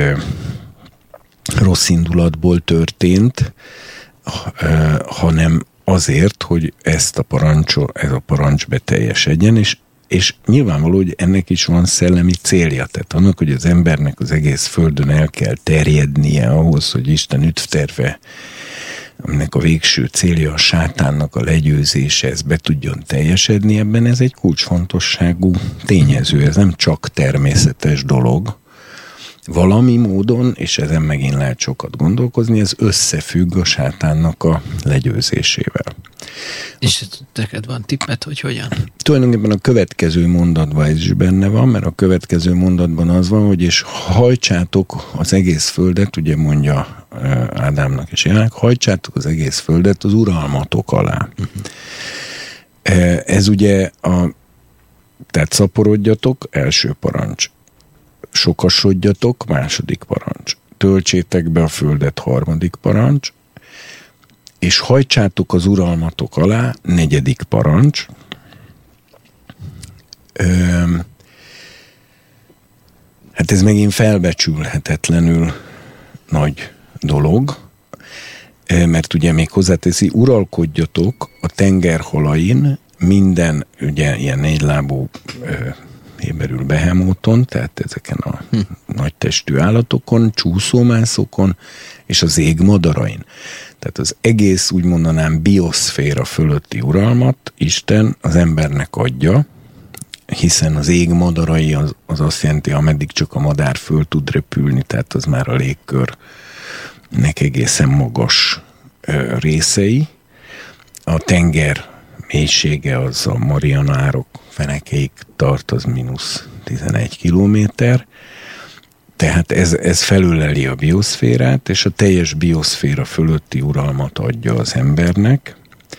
E, és ugye ezt leginkább úgy lehet megérteni, hogy ugye kicsit később azt mondja, hogy hogy a kertet őri, hogy betette a kertbe az embert, hogy művelje és őrizze azt. Főleg az őrzésből derül ki egyértelműen, hogy itt már valamilyen ellenséges behatolás léphet föl, vagy, vagy lépett, vagy léphet föl. Bibliából egyértelmű, hogy a sátán lázadása, bukása már megtörtént az embernek, már a teremtése előtt megtörtént, tehát az ember már egy konfliktus helyzetbe, egy kozmikus konfliktusba van bele teremtve, és a bioszféra fölötti teljes uralomnak a jogosultsága, az valószínűleg szoros összefüggésben áll azzal, hogy a sátánt a Földnek az atmoszférájából, bioszférájából kellene kiszorítani. Később Pálapostól egy helyen a sátánt úgy nevezi az Efézus 2-ben, hogy a levegő fejedelme, a levegőjég, az áér fejedelme. Most vannak mondják, hogy az áér az nem feltétlenül teljesen ugyanaz, mint a mai levegőjég, de mondjuk így az atmoszféra e, e, hogy mondjam, még a világűrnek azok az részei, ahol a műholdak keringenek, tehát a földközeli része, de már a súlytalanság, meg a nagyon ritka állapotú levegő, az még az áérbe tartozik. De... Most az összes parancsolatot végig fogjuk nézni egyenként?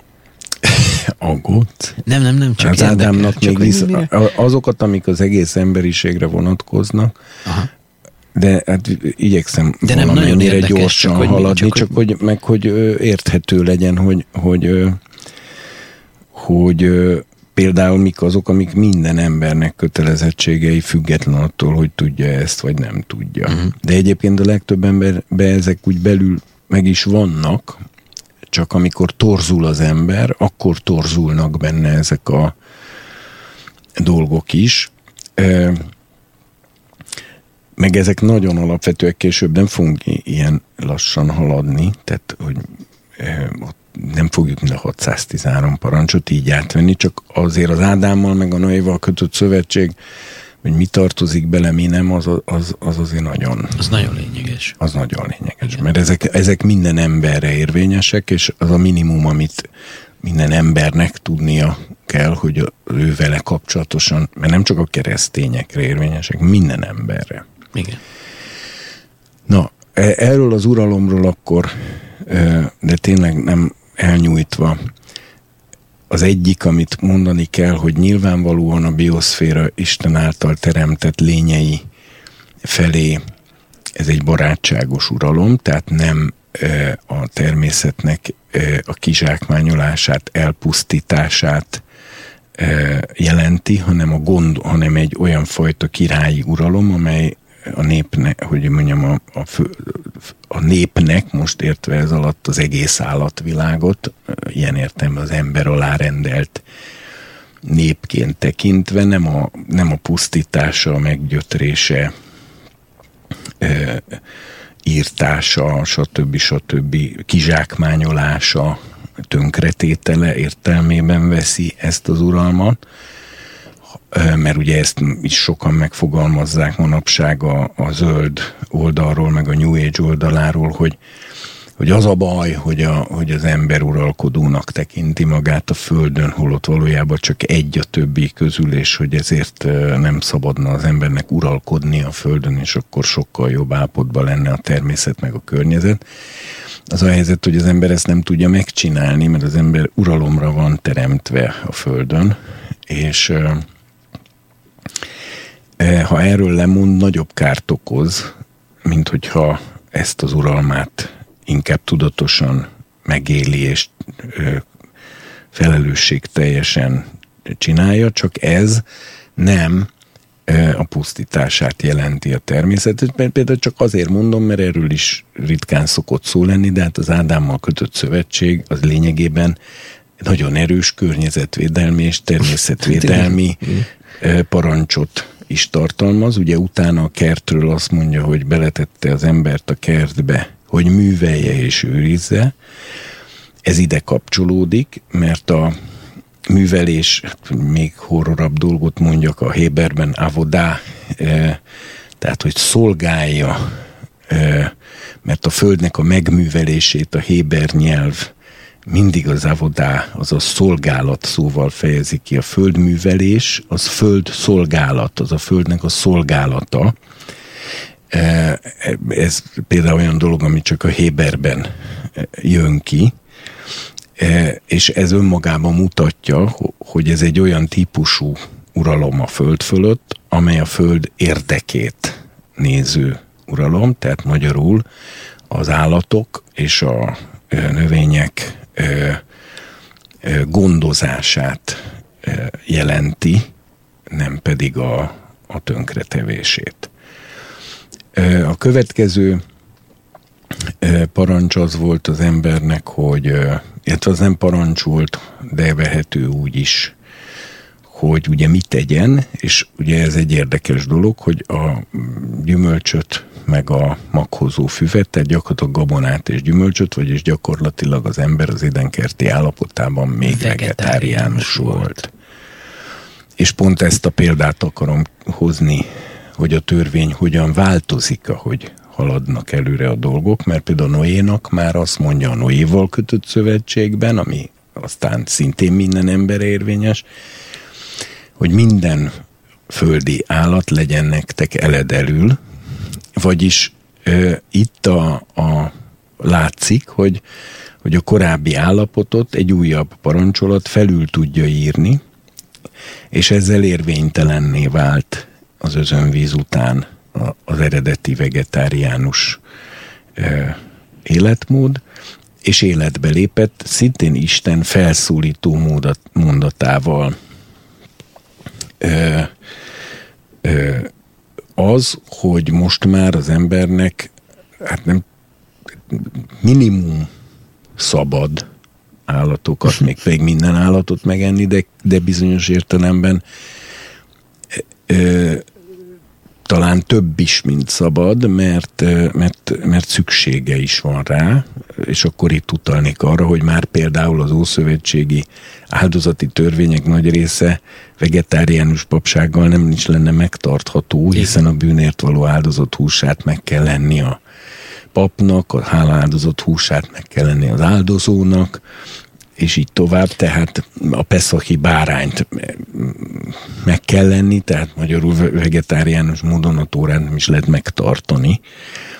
Ami azt jelenti, hogy, hogy ami korábban Istennek nem volt akarata, tehát például az édenkerti körülmények között, és egészen az özönvíz utánig úgy tűnik, hogy Isten a, a vegetarianizmust részesítette elény, előnybe, ez pedig 1656 évig tartott, és valószínűleg aki a Noénak adott parancsolat előtt már evett esetleg állathúst, az bűnnek minősült.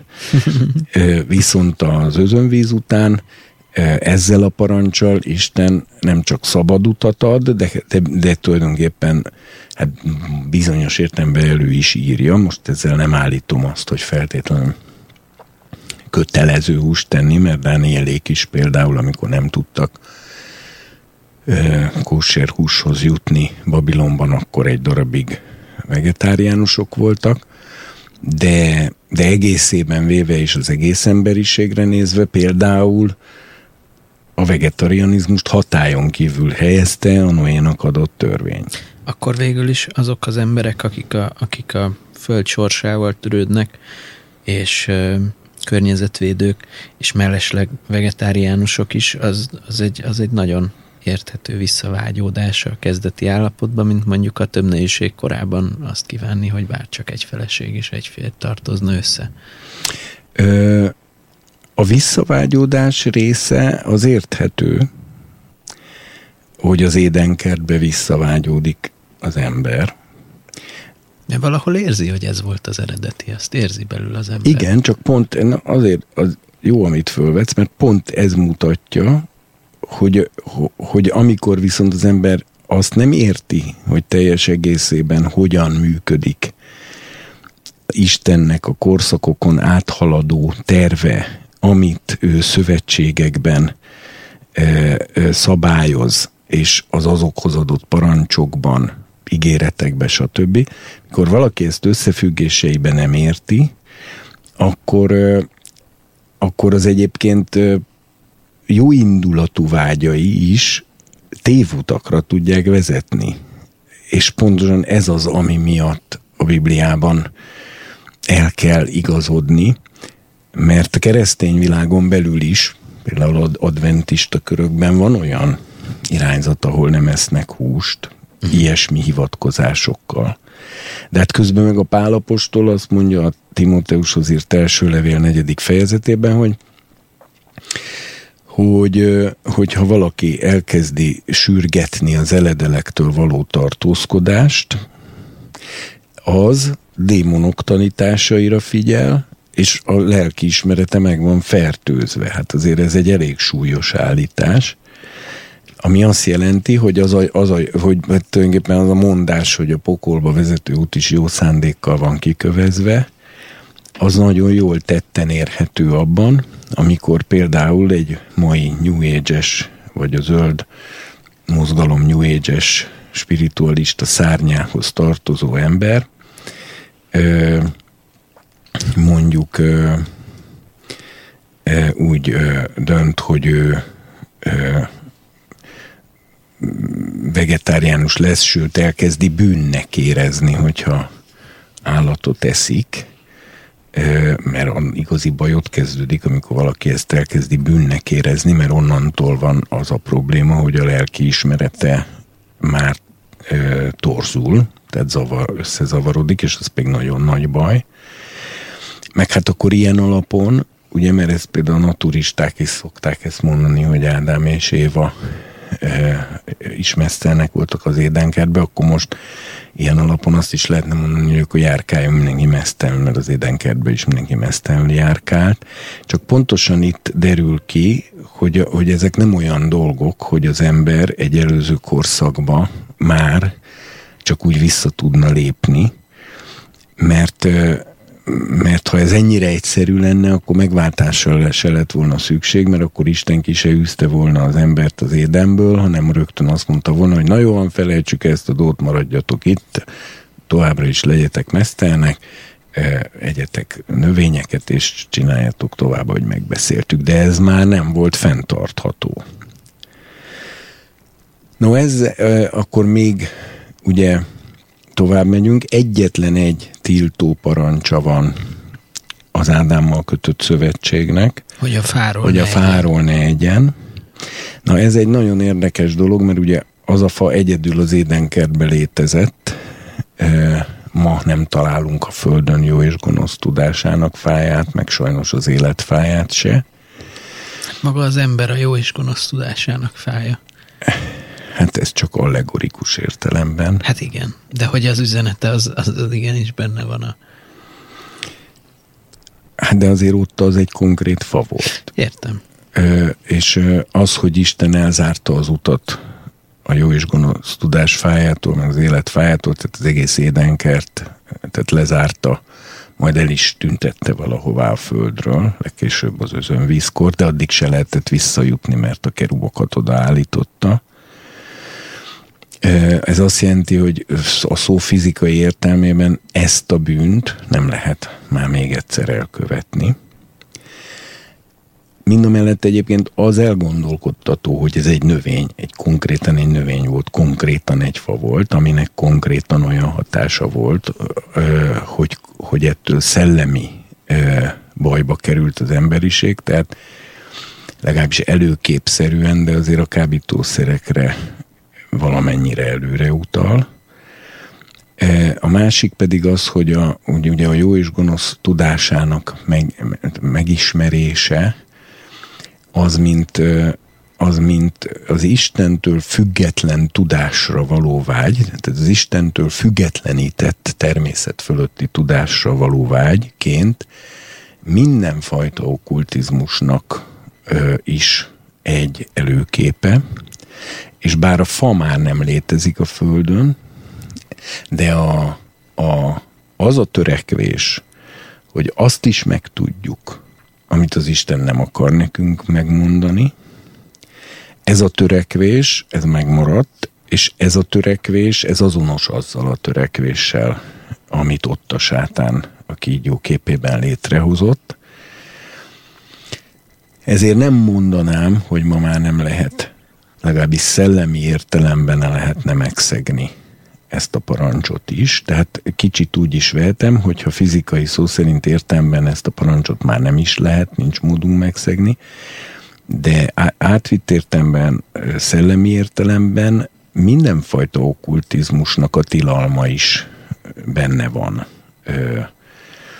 És, és valamilyen szinten talán még a kábítószerfogyasztás kérdésére is utal.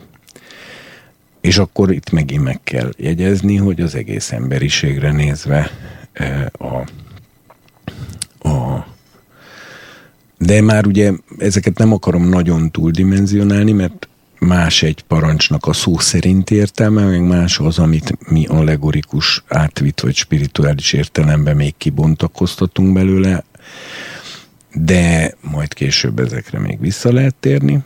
De ezeket akkor szó szerint kell értelmezni, és mindenkire vonatkoznak, minden emberre. Most aki... melyik részét ér? Hát ezek a parancsolatok.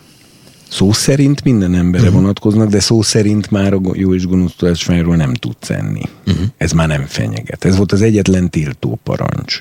Az összes többi felszólító úgynevezett pozitív parancs volt, szaporodjatok, sokasodjatok, töltsétek be a földet, uralkodjatok rajta, legyen nektek eledelül minden gyümölcs, meg gabona, uh-huh. művelje és őrizze a kertet, ez mind pozitív parancs, felszólító parancs. Egy tiltó parancs van, hogy ne egyen, ezt szekte meg, ez, ezért is elgondolkodtatok, mert ugye a tiltó parancsok jobban kiváltják az emberből a az ellenkezést, mint a pozitív parancsok időnként. De ez nagyon jó, hogy akkor ezek szerint az egyetlen parancsolat, amit senki nem szeg meg szó szerint az egész világon, az pont az, ami a legnagyobb bajt okozta a kezdet-kezdetén. Hát igen, ezért is tette lehetetlenné a további megszegését. Ö, és aztán ugye így jutunk, és akkor utána, hát az nem parancs, ez is nagyon fontos, hogy ne Ugye azért nehéz, mert a Héberben amiatt, hogy a parancsok nagyon sokszor kijelentő módban vannak, és nem felszólító módban, ezért nehezebb elkülöníteni, hogy mi parancs és mi állítás, mert tulajdonképpen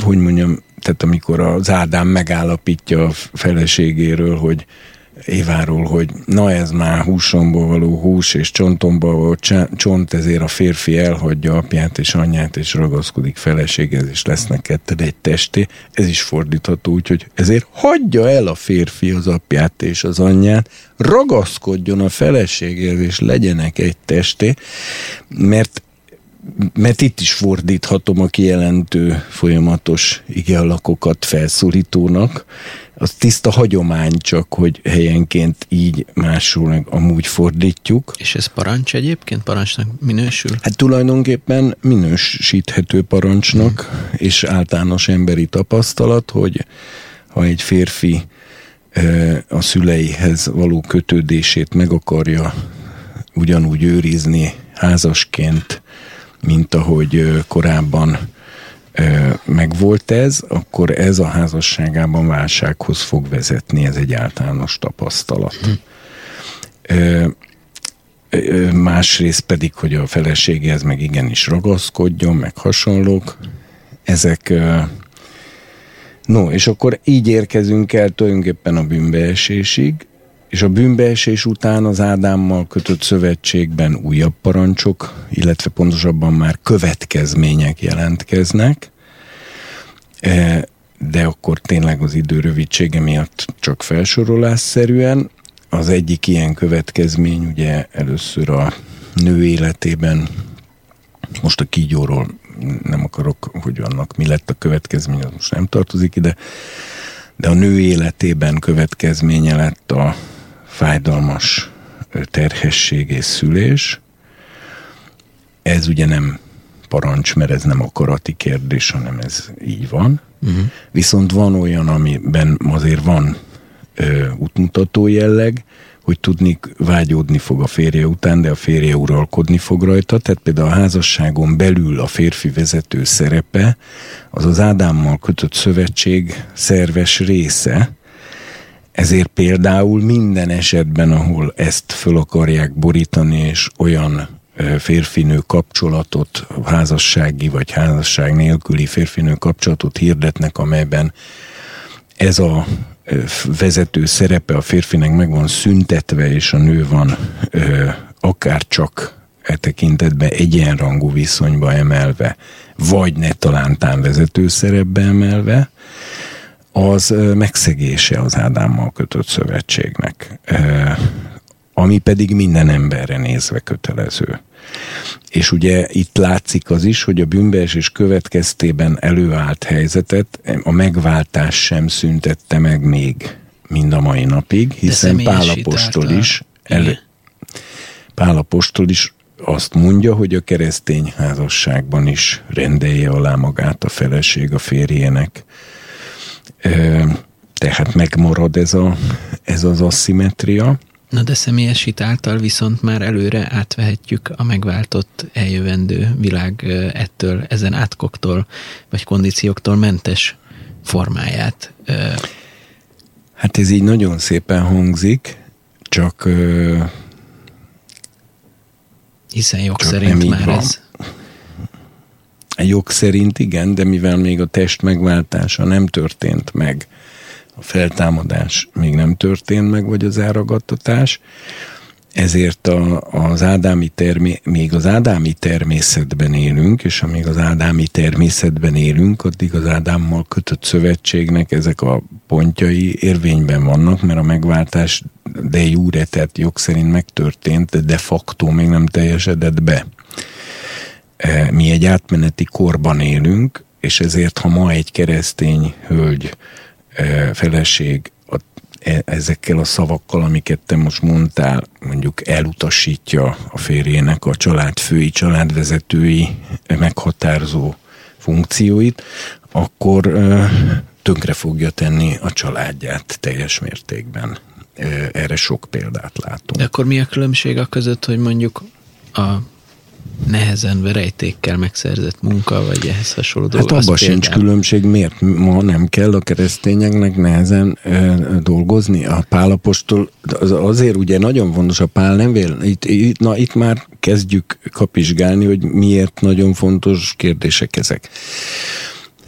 A pál felhívja a figyelmet arra, hogy hogy, hogy vannak például, akik nem dolgoznak keresztényként, mert hogy hát ők már akkor már meg vannak váltva a munka a fáradtságos terhe alól. És azt mondja a Pál, hogy az ilyeneket ö, intsük meg, aki nem akar dolgozni, az ne is egyen. De nem csak fáradtságos munka van, hanem pozitív munka is van, amit élvezünk. A múltkor Én... beszélgettünk már erről, és akkor azt mondtad, és meséltem, hogy a Sándor tanított erről, hogy, hogy ezekből meg, meg kiváltottunk, hogyha személyesít által, és akkor te azt mondtad, hogy igen. Hát az én a Sándor éppenséggel olyan embernek ismerem, akinek olyan munkabírása van, hogy hogy néha már az ember majdnem elájul, mikor reggeltől este kilencig evés nélkül közösen dolgozunk, meg hasonlók. Tehát e, én akkor azt mondtam neked, ha jól emlékszem, hogy a hitáltal ezek a fájdalmak, ezeknek a következményeknek a fájdalmai bizonyos mértékig minimalizálhatók, de teljes mértékben nem szüntethetők meg. Tehát azt ma megcsinálni, hogy egy keresztény házasságban a férfi ne legyen vezető szerepben, hogy, ma, hogy mind a férfire, mind a nőre vonatkozóan, hogy ne kellene fáradtságos munkákat is elvégezniük, vagy hogy a nő fájdalom nélkül szüljön és probléma nélkül legyen terhes, valamint ugye itt még egy volt következmény, hogy hát az ember fizikailag meghal, amiről szintén az a tapasztalat, hogy a legszentebb újjászületett keresztények is meghalnak fizikailag az életük el, végének az elérkeztével. És De Kenneth Higgins akkor, amikor akarnak. Ez is igaz, sőt én ezzel még egyet is értek teljesen, de de, de, de azért meghalnak, tehát nem tudnak örökélni. Tehát ez, ez is szintén nagyon fontos, hogy az Ádámmal kötött szövetség ezen bűnbeesés utáni következményeit, a megváltás, Jézus Krisztus ö, visszajöveteléig, sőt, még akkor sem teljesen, hanem a, tehát a, az összes halottak föltámadásáig, még ezek nem szűnnek meg. Az ezer éves királyságban is, a nem zsidó népek is úgy fognak házasságban élni, hogy a nő alá lesz rendelve a férfinak, hogy dolgozniuk kell bizonyos mennyiséget, igaz, hogy nagyon könnyítetten, de, de azért kell, még meghalnak az ott élő természetes ö, szinten élő emberek, és ö, tehát, tehát lehet csökkenteni ezeket a ö, dolgokat, illetve az ezekben lévő fájdalmat, de azért a Pál is azt mondja, hogy a házassággal kapcsolatban, hogy akik megházasodnak, azoknak háborúságuk lesz a testben.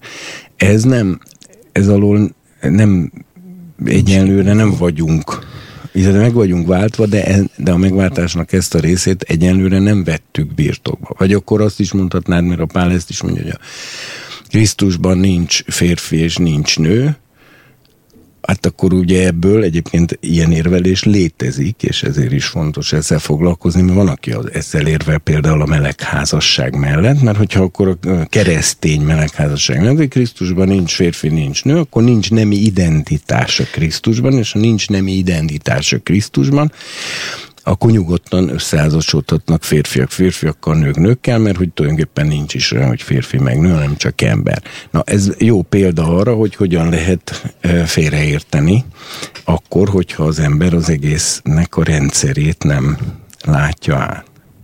Na jó, de akkor át pont ezért folytassuk ezt a, ezt a remek, remek dolgot, hogy akkor most áttekintettük az első néhány parancsolatot és az Ádámi szövetséget és a bűnbeesés következményeit. Egyébként Ádámmal kötötte Isten a szövetséget, vagy akkor már Éva is volt? Ádámmal kötötte, Ádámmal. de Ádámban bele ott volt. Igen. Jó. Jó, világos. És akkor ezt, ez, ez hát csak most nézd meg, például, ha ez az egész emberiségre vonatkozik. Hát ez látszik is mindenkin.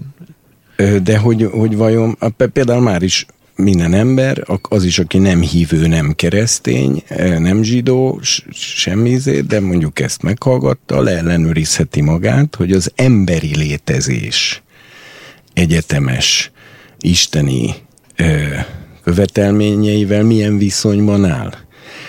Szaporodik-e, sokasodik-e, ö, jó a földet betöltöttük, az rendben van, ö, de például ö, barátságos műveléssel, szolgálattal és, és őrzéssel uralkodik-e a bioszféra fölött, mert például, ha kiviszi a vegyi hulladékját az erdő szélére, és ott rakja le, mert az olcsóbb, akkor, akkor például megszegi az Ádámmal kötött szövetséget, akkor, tehát művelie, őrzie, és akkor utána, hogy a családjában érvényesül-e a férfinek a családfői minősége, és dolgoznak-e rendesen. Kör, körülbelül ezeket lehet összerakni, és akkor nagyjából megkaptuk, hogy az Ádámmal kötött szövetségben mi az, ami minden embernek alapfeladata lenne, és egyébként, ha minden ember csak ennyit megcsinálna, tehát akkor, akkor tulajdonképpen minden rendben is lenne. A probléma az, hogy nem hát ezt azért, csináljuk. Na de hát azért ebben még nincs az, hogy tiszteld az embertársadat, megszeresd az Istent, meg nem tudom, ebbe, e- azért így még lehetne úgy élni, hogy közben egymást gyilkolásszuk például. Hát lehetne, bár még az is lehet, hogyha az emberek ezeket a szempontokat főcélként maguk elé tűznék. Mint ahogy a Volter is mindig azt mondta a, szemben a történelmi tapasztalat összes háborús szörnyűségével, hogy műveljük csak kertjeinket. Igen. Hát tulajdonképpen ez az éden, édeni program volt. Az embernek az a dolga, hogy a növényeket és az állatokat gondozgassa úgy, hogy a, egyébként ebben fantasztikus begondolni, hogy ez lett volna az ember eredeti küldetése, és az a megdöbbentő, hogy a sátán ki lett volna szorítva a földről, pusztán csak azáltal, hogy rendesen gondozzuk a növényeket és az állatokat. Ezt most teljesen komolyan mondom. Ez volt az eredeti küldetés. De nagyon mély titok van benne, hogy vajon ez hogy függ akkor össze, és egyáltalán nem véletlen, hogy a sátán az egy állaton és egy növényen keresztül támadott be. E, e, illetve főleg egy állaton keresztül, aki a növényel kapcsolatos tilalmat áthágatta az emberrel. Mert akkor esetleg kiderülhet, hogy Volternek is igaza van abban, hogyha az egész emberiség inkább azzal törődne, hogy a kertjeit művelje, a környezetét szépítse, stb. stb., akkor még az is lehet, hogy egymást is tisztelnénk és ö, szeretnénk, de hát most nyilván ez illúzió, mert az emberiség megbukott ö, ö, a bűnbeesés által, de már az Ádámmal kötött szövetség ezt ö, ö, tehát megmutatja azáltal, hogy, hogy nem tartjuk meg, és hogy ezért például pusztul körülöttünk minden. De amit ma az emberek ö, ö, hogy például a New Age-esek azt mondják, hogy ezt úgy kéne megoldani, hogy, hogy az ember mondjon le a föld fölötti uralmáról. Ez például egy rossz koncepció, mert az embernek nem szabad lemondani a föld fölötti uralmáról, hanem az embernek a bűnből kell megtérnie, és akkor nem fogja a földet ö, pusztítani és, ö, és kinozni, ö, hanem akkor az uralma az egy jó király igazgatásához és gondviseléséhez lesz hasonló. No hát ehhez képest pedig az történt, hogy szörnyű állapotokba került az emberiség, melynek hatására az úr úgy döntött, hogy eltörli az egészet a föld színéről, és kiválasztott egy családot, hogy, hogy ő bennük fogja továbbvinni ezt a dolgot. Na most velük is kötött egy teljesen új szövetséget, a Noéval kötött szövetséget. Amit majd akkor szerintem a legközelebb, nem? Hát még van egy csomó időnk, de ha szeretnéd. Ja, jó. Ha Most van, van akkor... fél öt. Itt, itt van ez a föl, hölgy, hogy van. járkál, és néha megkérdezi, de engem ez nem érdekel, hogy most ő ide be akar jönni, nem engedjük. De miért nem volt itt lekötve, vagy? De. Akkor na. Jó, akkor menjünk tovább. No, ö, ugye az Ádámmal kötött szövetség tehát részben meg lett szegve ennek katasztrofális következményei lettek. Megjelent, ugye talán ezt fontos megjegyezni, az engesztelő áldozat abban, hogy Isten állatot vágott le, aminek a bőrébe fölöltöztette Ádámot és Évát, ami azt jelenti, hogy vérontás történt és elfedezés történt, tehát nem az volt a megoldása Istennek, hogy jaj, most mit szégyenlősködtök, legyetek nyugodtan továbbra is mesztelenek, mert a mesztelenség miatti szégyen az szorosan összefüggött a bűn állapotával, mert az ember a bűn miatt kezdi szégyelni magát, és a bűn miatt akar rejtőzködni, és erre Istennek az volt a válasza, hogy igen, a bűnt el kell fedezni, ez ugye a Héberben az engesztelés szó az elfedést jelent, de nem lehet növényekkel, tudnélik, hogy a fügefa levelekkel, mert akkor nem történik vérontás, hanem azért öltöztette őket állatbőrökbe, nem azért, mert ős emberek voltak, és azoknak állatbőrbe kell öltözni a rajzok szerint, hanem azért, mert mert vérontással kellett a bűn elfedezését megoldani, és ezért a, a ruha, az állatbőr ruha, az azt fejezte ki, hogy, hogy a szégyenük el van takarva engesztelés által. Most és azóta öltözködünk, ugye még a legprimitívebb népek is öltözködnek, tehát még a, még a legőserdeibb népek is legalább egy ágyékkötőt ö, hordanak, legalábbis, hogyha, hogy mondjam, társaságba mennek, vagy mert nyilván mezei munkánál, vagy ilyesmi ott előfordul, hogy nem, de nagyon érdekes, hogy, hogy még a pigmeusok, meg ezek a, tehát olyanok is, akik ö, teljesen természeti körülmények között élnek, ezt kevesen tudják, hogy nem csak azért hordanak ágyékkötőt, mert hogy, hogy mondjam, valamilyen praktikus vagy egyéb okokból, hanem érdekes módon ők teljes mértékben szellemi célból e, öltözködnek, mert És ők pedig. azt mondják, hogy a démonok ott mennek be az emberbe. De érdekes. És ez azt jelenti, hogy ha nem is egy teljesen objektív ö, világnézeti, vallási igazság van ebben, de az a, az ősérzés, hogy, hogy, hogy el kell takarni a, hogy mondjam, a nemi tájékokat, ez, ez mégis megfogalmazódik ebben, hogy ez egy szellemi dolog, ez nem a hideg miatt van. És ez a szellemi jelenség pedig a bűnbeeséskor került be. Ez volt a, a, az amúgy teljesen érthetetlen és megmagyarázhatatlan és indokolatlan szégyen a fellépése, mert nyugodtan lehetett volna úgy élni, akár az egész emberiségnek, hogy, hogy senki se szégyeli magát, mert hát az állatok se szégyelik magukat. Egyedül az ember szégyeli magát, nincs más. Mert az állatok szőrösek, meg tollasak. Hát kivéve a nem szőrös és nem tollas állatokat, mint amilyen például a földi giliszta, vagy a gyík. tehát, na, tehát visszatérve a... Csak, csak, csak, bocs, még egy kérdés hogy a, ezt a judaizmus is így látja, ez nem csak a pálnak a koncepciója, hogy ez az elfe, hogy a vérontásról szólt ez a bőrruha készítés? Ö, nem feltét, hát a pálnak semmiképpen nem koncepciója, mert nem olvassunk ilyet a pálnál. De nem ő írja azt, hogy, hogy levág, hogy a bőrruhát készített, és ezáltal, hogy a vér elfedezze, valahol olvastam ezt nála. A pálnál? Igen. De hát most nyilván nem fogok veled vitatkozni nem, arról, nem mond hogy... ilyesmit. Nem. Oké, okay, meggyőztél. Ez, ez a Bibliából csak, hogy mondjam, a későbbiek végigolvasásával következtethető ki, de a Biblia ezt sehol hát teljesen explicit módon nem nyilatkoztatja ki. Hm.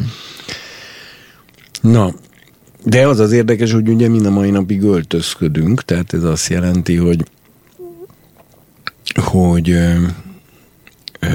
ebben is, tehát nincs az emberiség teljesen megromolva, most így mondanám, mert hiszen azért az Ádámmal kötött szövetségnek bizonyos parancsait beteljesítettük, és bizonyos parancsait ö, ö,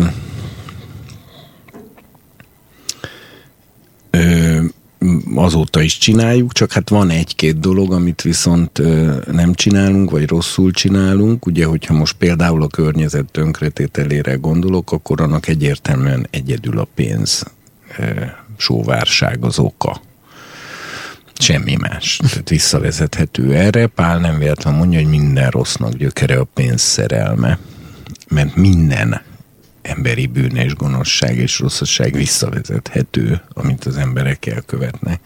Valamiképpen a pénzhez való kötődésre, vagy a pénz ö, ö, szeretetére, vagy legalábbis egzisztenciális szorongásokra és megélhetési félelmekre. Na, zárjuk le talán az Ádámmal kötött szövetséget így, és akkor eltelik 1656 év, mert annyit telik el e, a tere, Ádám teremtésétől az özönvízig. De hogy ezt hogy számolták ki, ezt sose értem. Hát, Te is ki tudod számolni, mert ott le van írva teljesen pontosan Noéig, hogy ki hány évig és élt, és hány éves korában nemzette a, az első szülött Aha. fiát, akiről aztán újra le van írva, hogy hány évig élt, és mikor nemzette. Tehát ez az 1656 év, ez pontosan tudható, ez egy nagyon hosszú idő, azért szeretném Igen. fölhívni a figyelmet, hogy ez közel 2000 év.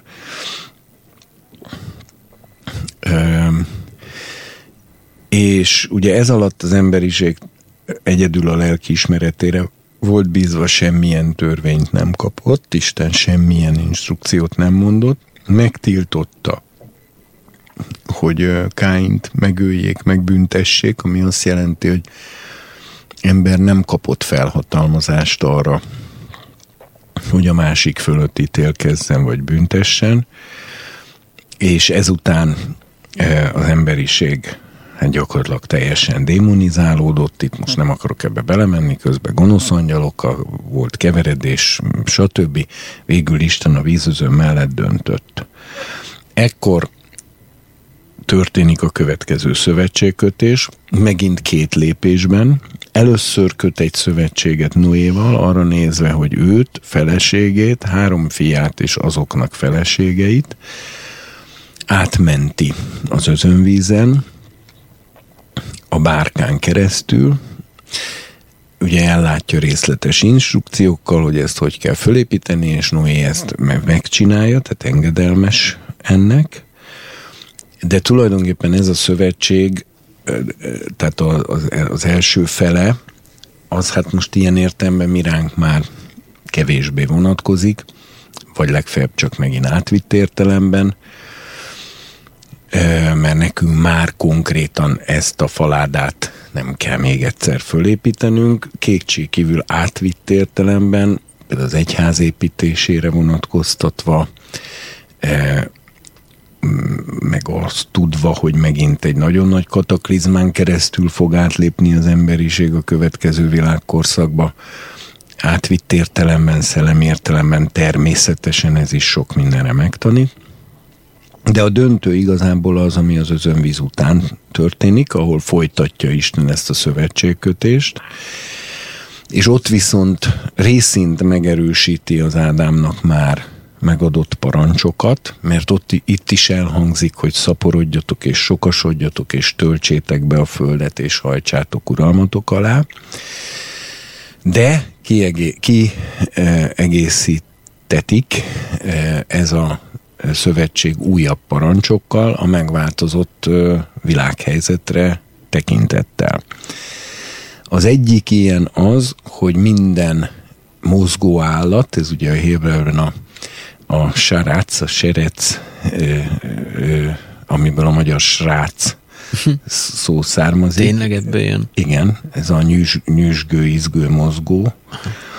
E, ez a szó szerepel itt, ami ráadásul a csúszómászokat is jelenti, sőt, failag kimondottan azokat jelenti, de itt minden mozgó állatra vonatkozik, ami azt jelenti, hogy az emberiség nem csak, tehát, tehát egyrészt a húsevésre kap nem csak engedélyt, hanem bizonyos értelemben egy felszólítást is, hogy erre szükség lesz, és hogy enélkül nem fog menni. Másrészt ebben az is benne van, hogy minden állatot megehet. Tehát ugye itt például megint kijön, ami most a törvényi szempontból lényeges kérdés, hogy később például a zsidóságban rengeteg fajta állatnak a megevése el lesz tiltva az Izraellel kötött szövetségben, és például egy hagyományos, régi és nagy és rendszeresen előforduló hiba törvénymagyarázatban, hogy a zsidóságnak adott étkezési állattilalmakat kiterjesztik az összes emberre, és mindenkinek elkezdik azt mondogatni, hogy nem ehet disznóhúst, nem ehet kagylótrákot, stb. stb. Amiről meg már a Pálapostól viszont megint csak azt mondja, hogy akik ilyeneket mondanak a nem zsidó keresztényeknek, azok ö, ö, démonok tanításaira figyelnek, és a lelkiismeretükbe van pecsételve, és meg van fertőztetve és szóval nagyon súlyos szavakkal minősíti azt, amikor valaki a zsidóságnak adott étkezési tilalmakat ki akarja terjeszteni a nem zsidókra. És ez itt például nagyon jól tetten érhető a szövetségi elv, hogy mindenkire, aki Noétól származik, a Noéval kötött szövetség érvényes, viszont az Izrael kötött szövetség csak azokra érvényes, akik az ott akkor abban a szövetség megkötésében résztvevők leszármazottai lettek, tehát a zsidóságra. És ugye nagyon érdekes, hogy Noé tudta, hogy van különbség a tiszta és tisztátlan állatok között, mert Isten azt a parancsot adja neki, hogy a tiszta állatokból hetet hetet vigyen a bárkába, a tisztátlanokból meg csak kettőt kettőt. Utána olvasott, hogy Noé az özönvíz után minden tiszta állatból áldozatot mutatott be az oltáron, amit nyilván azért tett, illetve nyilván eleve azért kellett neki több ö, állatot bevinni a tisztákból, hogy nehogy a szaporodásra elkülönített párt kelljen áldozatként bemutatni. Ez azt jelenti, hogy ő már az özönvíz előtt tudta, hogy különbség van. Valahonnét. Igen, nem tudjuk honnét, de valahonnét tudta, és pontosan tudta. Ugyanakkor Noéról a Biblia azt is mondja, hogy igaz ember volt. Ugyanakkor azt is mondja, hogy kegyelmet talált az Úr előtt. Az egyértelmű, hogy nem zsidó. Tehát van egy adott... Még nem is voltak zsidók. Igen, tehát adott nekünk egy, egy nem zsidó, aki igaz ember, de kegyelemből, e, tudja, hogy van különbség a tiszta és tisztátlan állatok között, ezt nagyszerűen és biztos kézzel kezeli, de ettől függetlenül mindegyiket megeszi. és már is megkaptuk eredményként a, keresztény, a nem zsidó keresztény. embert, Pontosan. Aki egy kegyelemből megigazult ember, aki tudja a Bibliából, hogy van különbség, és mégis azt is tudja, hogy mindegyiket megeheti, mert, mint Pálapostól mondja, szintén az 1 Timóteus 4-ben, ami egyébként kulcsige ezekkel kapcsolatosan, most már legalább negyedszer idézem, hogy az, Istennek, hogy az Istennek minden teremtett állata jó, és semmi sem, ö, hogy mondja, semmi sem ártalmas, vagy káros, vagy tisztátalan, ha hálaadással élnek azzal. Most akkor mondjuk ebből egy keresztény levonja azt a következőt. De hát akkor egy zsidó is megeheti az összes állatot, nem? Nem, mert szövetség, Mert másfajta másik szövetség, alatt áll. van. Pontosan. De ha egy zsidónak például az élete forog veszélyben, és ezért teszem azt a, ö, csak disznóval, nyullal, kagylóval, rákkal tud életben maradni, akkor viszont Megteheti. még a legszigorúbb rabbinikus álláspont is az, nem csak megteti, köteles ebben az esetben megenni a disznót, nyulat, rákot, kagylót, akármit, mert itt például az életvédelemnek az elve A nagyobb és kisebb parancs. fel, ö, miatt felülírja a rituális ö, tisztasági parancsot, az életben maradás, mint a Tóra fő céljának a követelménye. De hogyha egy erkölcsi parancsot kellene áthágni ennek érdekében, ami halálos, mint mondjuk házasságtörés, azt már nem teheti meg. De csak akkor, ha azt az erkölcsi parancsot a Tóra halállal bünteti. Igen. Ha nem bünteti halállal, mint például a lopást, vagy a hazugságot, Hazugság. vagy a nem Igen. tudom, akkor az Megint életvédelem esetén elkövetheti, sőt, köteles elkövetni kezdem az életvédelem érdekében. És ezért van az, hogy ugye, hogy kicsit oldjuk itt a nagy izét, hogy, hogy van kóser disznó, tudod, azt talán már megbeszéltük itt a Litvánia vagy Lettország? Igen, arról már volt szó. Lit- Litvánia vagy Lettország? Ezt most meg nem mondom. De a Valamelyik 18. század környékén. olyasmi. Igen. Akkor ezt, ezt már itt elhangzott Hát a az, műsorban. itt elhangzott-e, azt én nem tudom megmondani, de mindenképp meséld el, mert nagyon jó történet. Jó, de majd legközelebb mesélem el. Mert most elbizonytalanodtam is, hogy nem akarok elmesélni. Már elhangzott, meg kömés most ennyi elég kóstolónak ahhoz, hogy hogy, hogy működik ez a rendszer. Következő adásban számítunk akkor a, a kóser disznó történetére. Vagy valamelyik későbbiben.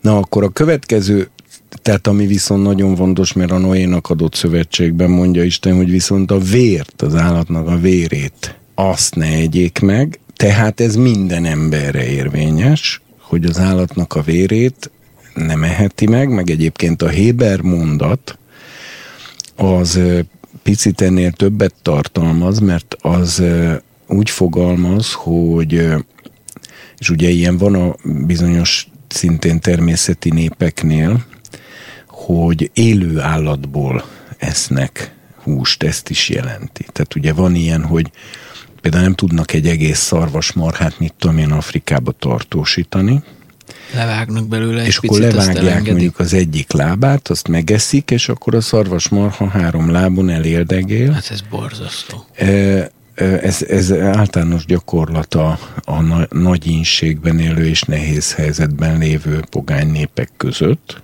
Ez mindenfelé gyakorolták. Sőt, nagyon súlyos dolgot fog mondani, Afrikában jelenleg is ez gyakorlat, de lehet, hogy más tájakon is, de Afrikában konkrétan tudom. Ugye a vérnek nagyon magas fehérje tartalma van, és nagyon hogy mondjam, tehát nagyon nagy tápanyag értéke van, és a folyékonysága miatt nagyon könnyen emészthető, hogy megszokták csapolni az állatokat, Na tehát jó. a nyaki vénát ö, megvágják, egy vödör vért kiengednek belőle, utána a sebet visszazárják, az állat megy ki a mezőre, neki ez csak annyi, mint egy véradás egy embernek, viszont ők a vért ö, csak a vért megeszik, másnap egy másik állatot vágnak meg, és így anélkül, hogy levágnák az állatokat, mivel azok idővel újra visszatermelik a vérüket, akár évekig el lehet élni úgy, hogy közben nincsenek tartósítási problémák, stb. stb. Ez számos természeti népnél konkrét gyakorlat. Most ezt, ezeket kategorikusan tiltja a Noé adott szövetség, És ez azért itt kerül szóba, mert itt engedi meg, hogy állatokat egyenek az Pontosan. emberek. Tehát azt mondja, hogy minden állatot meg lehet enni, de azt nem lehet megcsinálni, hogy egy élő állatból kivágott húsdarabbal húsdarabot enni, illetve a vérnek a megevése is tilos. Na most ugye itt megint nagyon lényeges, mert például a szövetségi elvből látszik, hogy amikor az apostolok cselekedetei 15-ben az apostolok azon vitatkoznak, hogy meg a vének, meg az egész Jeruzsálemi ősgyülekezet, hogy most akkor meg kell tartani a pogányoknak a törvényt, a, tehát a nem zsidó keresztényeknek, vagy nem kell megtartani, akkor végül azt mondják, hogy nem kell megtartani, de azt tartsák meg, hogy vért ne egyenek, fulvaolt állatot ne egyenek, meg ugye még egy-két dolgot mondanak. A fulva holtat Noénak mondja Isten, vagy az... Nem, a fulvaolt az egy következtetés, ami egyszerűen csak abból fakad, hogy a fulvaolt állatban benne van a vére. Értem. Tehát nincs kiengedve. Mm. Na most nekem van egy székely ismerősöm, aki Németországba kijár vendégmunkásnak, de Székelyföldön is vágott már birkákat, mindent, tehát ért ezekhez természetesen. Németországba egy húsgyárba ment el egy vágóidra dolgozni, és hát állítása szerint, ha jól emlékszem, talán olyan számot mondott, hogy napi 150 ezer disznót ölnek meg gázzal. És nem vágják le? Utána földolgozzák, de gázzal ölik De hogy meg. szedik ki a vérét akkor? Hát úgy már teljesen kiszedni ugye nem lehet, de hát ezt csak azért mondom, mert ez kb. például azt jelenti, Fulvaholt hogy az egész német németek. húsipar az gyakorlatilag a Noénak adott egyik parancs drasztikus megszegésén alapul, mint hogy nem véletlen, hogy a germán népek, sőt a skandináv népeknél is, és egyébként ez pedig összefügg az evangélikus és a katolikus egyházi háttérrel, mert mind a kettő azt állította korábban, tévesen, hogy, hogy ezek a vérevési tilalmak az Abcsel 15-ben, ezek már idejét múltak, a e, hát korai, tehát második században már leírt ilyet egyház, pogány keresztény egyházatja, hogy az apostolok csak gondolkodásbeli erőtlenségeik miatt erőltettek rá a, a nem zsidókra ilyen zsidó szabályokat, hogy, hogy nem szabad a vért megenni. Szent Ágoston már gúnytűzött a Lioni gyülekezet tagjaiból, mert az ő idejében, azaz a negyedik században már egyedül a Lioni gyülekezet ragaszkodott ahhoz, hogy nem eszi meg a vért. Tehát itt megint látszik, hogy milyen félreért, tehát hogy mit eredményez ez, és aztán mivel a luterék a hitből való megigazulásnak a erőteljes hangsúlyozásával e, tulajdonképpen egy törvény érvénytelenségét hirdető e, álláspontot vettek föl, ezért megfigyelhető, hogy az összes katolikus és luteránus területen, ugye a skandináv országok azok színluteránusok, mindenhol eszik a vért, mégpedig olyannyira, hogy például én egy finn szakácskönyvet egyszer majdnem megvettem, és a lapozgatás közben észleltem, hogy külön fejezet van benne a vérből Persze. készült ételek, vérpalacsinta, vérpuding, e, mit tudom én, mit Hát sőt, hát a, a, hogy hívják, a, ezek a pióc, pióca elkészítés, az például Izlandon egy, egy nagyon speciális formája annak, hogy, hogy megszívatják, tehát kacsavért vagy libavért tesznek valami ilyen, ilyen anyagba, vagy, vagy műbélbe, vagy igazi bélbe, rácuppantják a piócákat, azok megszívják magukat, ezeket kifőzik vízben, és megeszik a halászok. Na, hát akkor látjuk, hogy hogy állunk a Noéval kötött szövetség Izlandon megtartásával. Úgyhogy tehát ezt azért lényeges így leszögezni, mert például itt is már is van egy olyan zavar, amiben az egyház is összezavarodott, évezredek távlatokban is összezavarodott, teljesen félreértette az egész dolognak a belső rendszerét, és ebből, és ebből rengeteg kár származott. Most a Noéval kötött szövetség következő nagyon fontos programpontja az a vérbosszúnak a törvénye, ami azt jelenti, hogy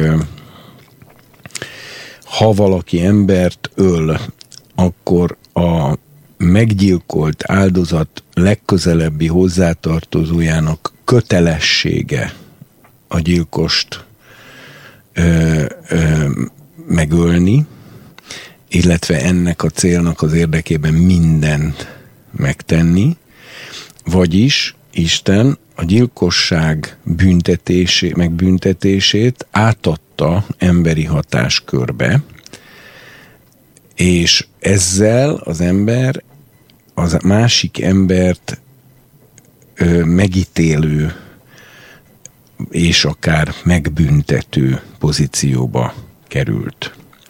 Amit Isten azzal indokol, hogy azért van ez így, mert Isten a maga képére teremtette az embert, és ezért van az embernek joga is, és felelőssége is, hogy a gyilkosságot halállal büntesse ő maga. Most ugye ezt szokták tekinteni az államhatalom kialakulása alaptörvényének, ugyanis könnyen belátható, hogy ez a parancs egyénileg igazságosan nem vitelezhető ki, mert a gyilkos kézrekerítése, kinyomozása, a bűnének minden kétséget kizáró bizonyítása, a pártatlan bíróság általi ítélethozatala és végrehajtása, ez túlnő egy ember lehetőségeinek a keretein, ezért az emberi közösségek ennek ezt szervezéssel, szervezetek szervezésével kell megoldania, és ezen szervezetek úgynevezett fegyveres testületek, a rendőrség, a katonaság, a határőrség, a nemzetbiztonság és a büntetés végrehajtás. Ugye ezek az olyan állami szervezetek, amelyek lehetővé teszik, hogy a Noénak adott vérbosszú parancsa igazságos módon legyen betartva. És így születik meg tulajdonképpen az állam. Ez fantasztikus, hogy, hogy, hogy Isten, szóval hogy ezért valószínűleg ezért nem olyan hosszú a Biblia, ahhoz képest nem ilyen hosszú lehetne, mert, mert a, a logikai oksági sorban megadja mindig azt az egy pontot, amiből aztán az egész kibomlik, Igen. de nem kell az egészet leírni. Ez Igen. zseniális. Igen szemben velünk, akik viszont nagyon hosszan és sokat nagyon. beszélünk erről.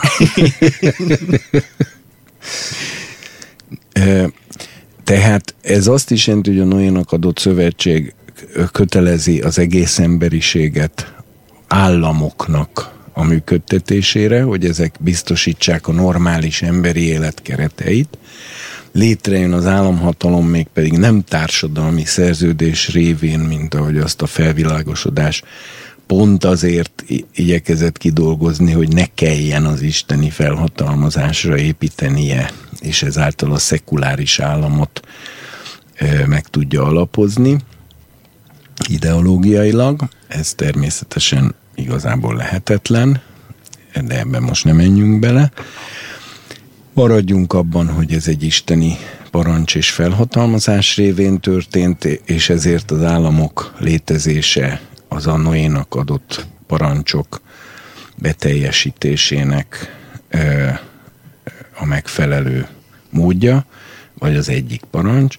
Viszont ugye a probléma az, hogy amikor a halálbüntetést eltörlik még a tudat, bizonyítottan tudatos elkövetett gyilkosság esetében is, és elvileg is lehetetlen halálbüntetést kiszabni a tudatos gyilkosra, akkor sajnálatos módon pont az államnak az a az alapfunkciója szűnik meg, amivel Isten az államhatalomra ad, ö, vonatkozó felhatalmazást az embernek megadta.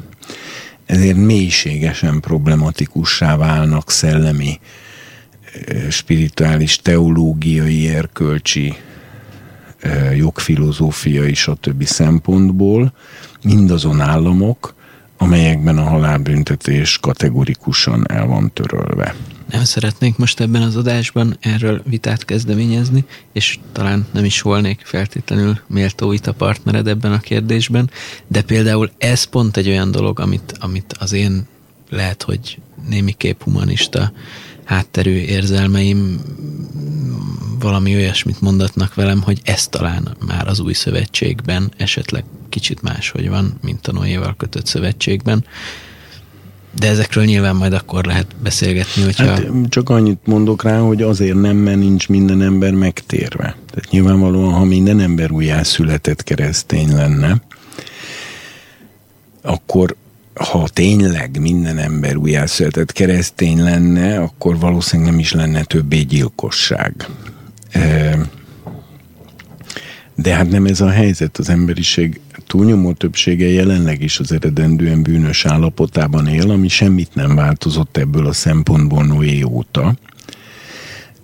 És ezért a gyilkosságnak a tudatosan elkövetett, hangsúlyozom, tehát nem a véletlenül, hanem a szándék, teljes szándékossággal és tudatossággal elkövetett emberülésnek a büntetése halál kellene, hogy legyen, ma is, mert az államok különben nem tudják azt a, az emberi életnek azt a konzerválását, a kereteinek azt a megőrzését megtartani. Ez nem azt jelenti, hogy nyakra főre mindenkit ki kell végezni, mert elég nehéz egy gyilkosságot százszázalékos biztonsággal bizonyítani, és annak a tudatosságát is százszázalékos biztonsággal bizonyítani, de azokban az esetekben, ahol ez minden kétséget kizáró módon megtörtént, ott a halálbüntetést fenn kellene tartani, mert ennek szimbolikus jelentősége is van.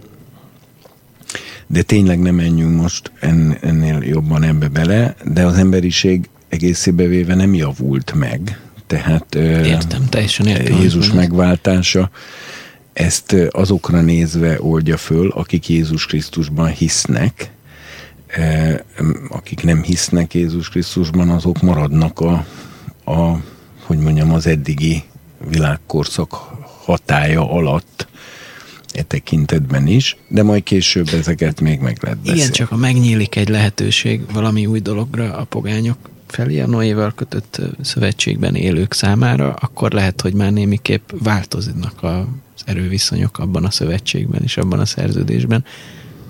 Lehet, nem tudom, ez már lehet, hogy jogfilozófiai kérdés. Ez mondom, de teljesen értem, amit mondasz, úgyhogy nem is akarok ezzel nagyon... Jó, majd később esetleg még szó, csak így, igen, hogy a előrehaladás miatt.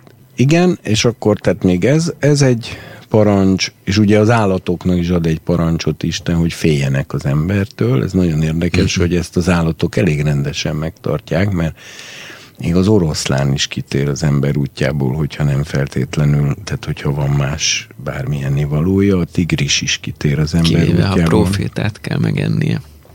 Ami viszonylag ritka eset. Úgyhogy tehát ugye általában még a legnagyobb testű és legerősebb állatok is tartanak nagyon az embertől. Tehát ez látszik, hogy ők ezt maguk részéről valamennyire megtartják, és ugye az emberek érzékelik is, amikor egy medve például áttöri ezt a korlátot, és rendszeresen emberre támad, vagy egy farkas, vagy egy tigris, azt ugye úgy is hívják, hogy vérmedve, vagy vérfarkas, hmm. vagy izé, és a, a, azt a, ér, érzi is az ember, hogy egy állatnál ehhez démonizálódnia kell. Egy nem démonizált állat, az ha lehet, kikerüli az emberrel való konfliktust, akármilyen erős csak a démonizált állatok azok, akik ezt fél, úgymond félretteszik ezt a korlátot, és elkezdik az embert kifejezetten támadni. És ez, ez az állatoknál, ez egy, hogy mondjam, ehhez egy áttörésre van szükségük. Ha egyszer már kóstolt embert, vagy ilyesmit, akkor szokik rá erre, mint egy kábítószerre, de ez, ez az állatoknál démonikus jelenség. Na most a tehát tulajdonképpen ezzel akkor lezárhatjuk a Noéval kötött szövetséget is. Ezek azok, és azért vettem csak át ennyire részletesen, mert ezek minden emberre érvényesek. Továbbá még egy fontos dolgot itt meg kell állapítani, hogy vannak olyan parancsai a Noéval kötött szövetségnek, amelyek nincsenek leírva az 1 Mózes 9-ben, ahol ez a szövetség amúgy le van írva, hanem a túra más részeinél, de viszont egyértelműen jelezve van az, hogy Isten ezt elvárja a nem zsidóktól is. E, amikor a Tóra egyértelműen jelzi, hogy valamit elvár a nem zsidóktól is, Mondok egy ilyen példát, például az összes szexuális perverzitás felsorolásakor, ahol ott szerepel például a házasságtörés, amit a Biblia perverzitások közé sorol, vagy valamint szerepel ott a homoszexualitás, szerepel a vérfertőzés, stb. Ott azt mondja, hogy ezt a, a pogány népektől is elvárja, pontosabban ott ugye úgy fogalmaz, hogy a kanál, lakosait ezek miatt okádja ki a föld, mert mindek ezeket megcselekedték, és az, az pedig egy általános elve a Bibliának, Pálapostól ezt ki is mondja, hogy ahol nincs törvény, ott a bűn nem számítatik be, tehát magyarul, ha Isten ezt nem közölte volna valamikor a nemzetekkel, akkor nem is várhatná el tőlük, tehát akkor nem büntethetné a kananeusokat a szexuális perverzióik, meg az okkultizmusuk miatt. Tehát amikor a Tóra kifejezetten kiemeli a későbbiekben, hogy a nem zsidó népektől is elvárja bizonyos erkölcsi parancsok megtartását, és bünteti őket, amikor ezeket nem tartják meg, akkor innen tudjuk, tudósan fogalmazzak, illetve ennél még szebb rabbi képzős kifejezés, hogy innen, hogy, hogy, hogy ebből kitanuljuk, ezt így, így mondják, kitanuljuk a Tórából, hogy ezeket a nem zsidó népektől is tett Isten elvárná, vagyis ezek ebbe az esetben részei voltak a Noéval kötött szövetségnek, csak nincsenek leírva a kilencedik fejezetben, de ilyen máshol is van a Bibliában, hogy később ö, ö, egészít ki ö, ö, információkkal korábban elmondott dolgokat. Ö, Ilyen tehát még az okkultizmus és a bálványimádás tilalma, ami elvileg minden népre kötelező lenne. Ilyen az összes szexuális perverzitásnak a tilalma is ebbe a házasságtörés tilalma is bele tartozik, mert azt a szexuális perverzitások közé sorolja a Biblia. Az nem egyszerű paráznaság, hanem az perverzitás. És akkor így áll össze például az a kép, amit az apostok cselekedetei 15-ben megfogalmaznak, hogy a bálványoknak áldozott dolgoktól és a paráznaságtól is tartózkodjanak a nem zsidó keresztények is, meg a vértől és a fulva volt állattól, mert a teljes tórából kiolvasható, hogy ezek még beletartoznak a Noéval kötött szövetségbe. Így összesen a Noénak adott parancsok száma 7, és ha ezt a hetet a nemzetek megtartanák, ami nem sok, 613-hoz képest, akkor az emberiség boldogan tudna élni ezen a földön. Minden bizonyal én gyakorlatilag százszázalékosan kimerem jelenteni, hogy a, az ezer éves messiási királyságban a nemzetek a természetes szinten itt élő nem zsidó népek a hét Noahita parancs hatája alatt kell, hogy éljenek majd, és, és ez elegendő ahhoz, hogy biztosítsa a nemzetek számára az áldásnak és a felemelkedésnek az útját. Igen, de, de, de mindez még nem elegendő ahhoz, hogy, hogy a haláltól, illetve a halál utáni kárhozattól megmeneküljenek a keresztény koncepció szerint? Hát a haláltól nem, de a kárhozattól, ha valaki a Noahita parancsokat megtartaná, nem zsidóként, tehát pogány emberként, tényleg hiánytalan megtartaná, akkor az nem kárhozná el. Na de hát nem adatott más név Jézus Krisztuson kívül, Na de az már a bűn miatt van. Aha. Hát ha lenne valaki, aki ezeket a parancsokat egész életében hiánytalan megtartotta volna, nem lenne szüksége Jézus Krisztus megváltására. Szóval 14 éves kor nagyjából azután, hogyha valaki ezt megcsinálja, akkor, akkor nem, nem kárhozik el, csak meghal. Hát ha valaki úgy élné le az életét nem zsidóként, hogy soha nem imád bálványt, nem vesz részt semmilyen okult, vagy ilyen hamis Istenhez kötődő kultuszban semmiféle szexuális perverzitás nem követel, nem paráználkodik, nem követel házasságtörést, nem eszik vért, e, e, gondoskodik támogatólag az államhatalom létrehozásáról és, és a gyilkosságot halállal bünteti. És megcsinálja az Ádámnak adott parancsokat is. Igen, igen, de azt meg is ismétli ott, tehát szaporodik is, sokasodik is, szeretettel gondozza a környezetét, eh, vigyáz a, hogy mondjam, az állatok és a növények jólétére, de egyben arra is, hogy ne vaduljanak el az em, tehát ne nőjenek az ember fejére, hogy így mondjam, mert az uralomba ez is benne van, tehát mondjuk amikor én három kiló poloskát égettem el ebben az évben, e, és azt gondolom, hogy ez ádámi kötelességem volt, mert ez túl sok ennyi poloska. E, tehát, hogy be, barátsággal, de azért szabályozólag avatkozni be. E, e, és hát ugye szaporodik, sokasodik, amiben bele értendő az, hogy felesége van, akihez ragaszkodik, egy testé lesznek, és, a, és a, ráadásul az, a családon belül a férfi a, a vezető, stb. stb. az nem kárhozna el. Hát ez nagyon jó hír. Hát jó hír, csak nincs ilyen ember a Földön, de...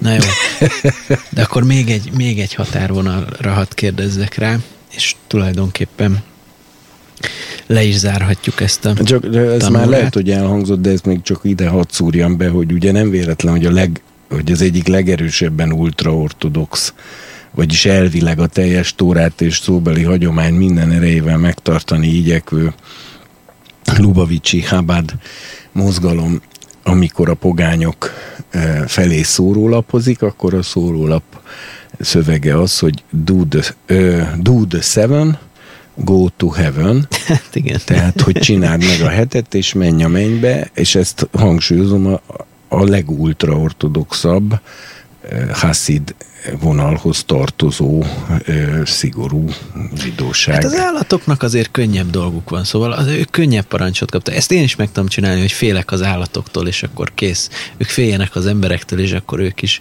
Hát szóval, de egyébként az állatok tudnak üdvözülni? Most nem, nem fejtsd hát úgy tűnik, hogy az állatok se üdvözülni, se elkározni nem tudnak, mivel az individuális egyéni szellemük, lelkük az a haláluk után föloldódik, tehát nem, nincs, nincs egyéni halhatatlan lelkük, tehát nem, nem, nem az van, hogy a bodri kutya örökkön örökké szellemében létezni fog. Mert szelleme csak az embernek van. Ebben az értelemben vett Isten képmására alkotott individuális szelleme úgy tűnik csak az embernek van. Az állatok szelleméről van szelleme, de azt mondja a Biblia, hogy az állatok orrában az élet szellemének lélegzete van, ami inkább azt jelenti, hogy van egyetemesen van az életnek a szelleme, és az állatok ebbennek az egyetemes életnek a szelleméből részesülnek, amíg élnek, amikor elpusztulnak, akkor pedig a, a, a, a, ez, hogy mondjam, vissza olvad a nagy egészbe, hogy ezt így szokták is mondani. Tehát az állat individuális értelemben nem éli túl a saját halálát, csak a benne levő élet visszatér a, a nagy közös életbe, de nem úgy, hogy továbbra is Bodri kutya elkülönült létformáját e, elkülönült szellemének létformáját éli, míg ezzel szemben az embernek van individuális egyéni Isten hasonlatosságára teremtett szelleme, ami miatt az ember a halála után is individuumként tovább létezik, nem olvad vissza a nagy egészbe, hanem individuális értemben létezik, és ezért merül föl a kérdés, hogy ezt az individuális öröklétét ezt jó állapotban, boldogan fogja eltölteni, vagy szenvedve és gyötrődve. Hát ez elég keleties dolog, ami az állatokra vonatkozik akkor. Nagyon érdekes.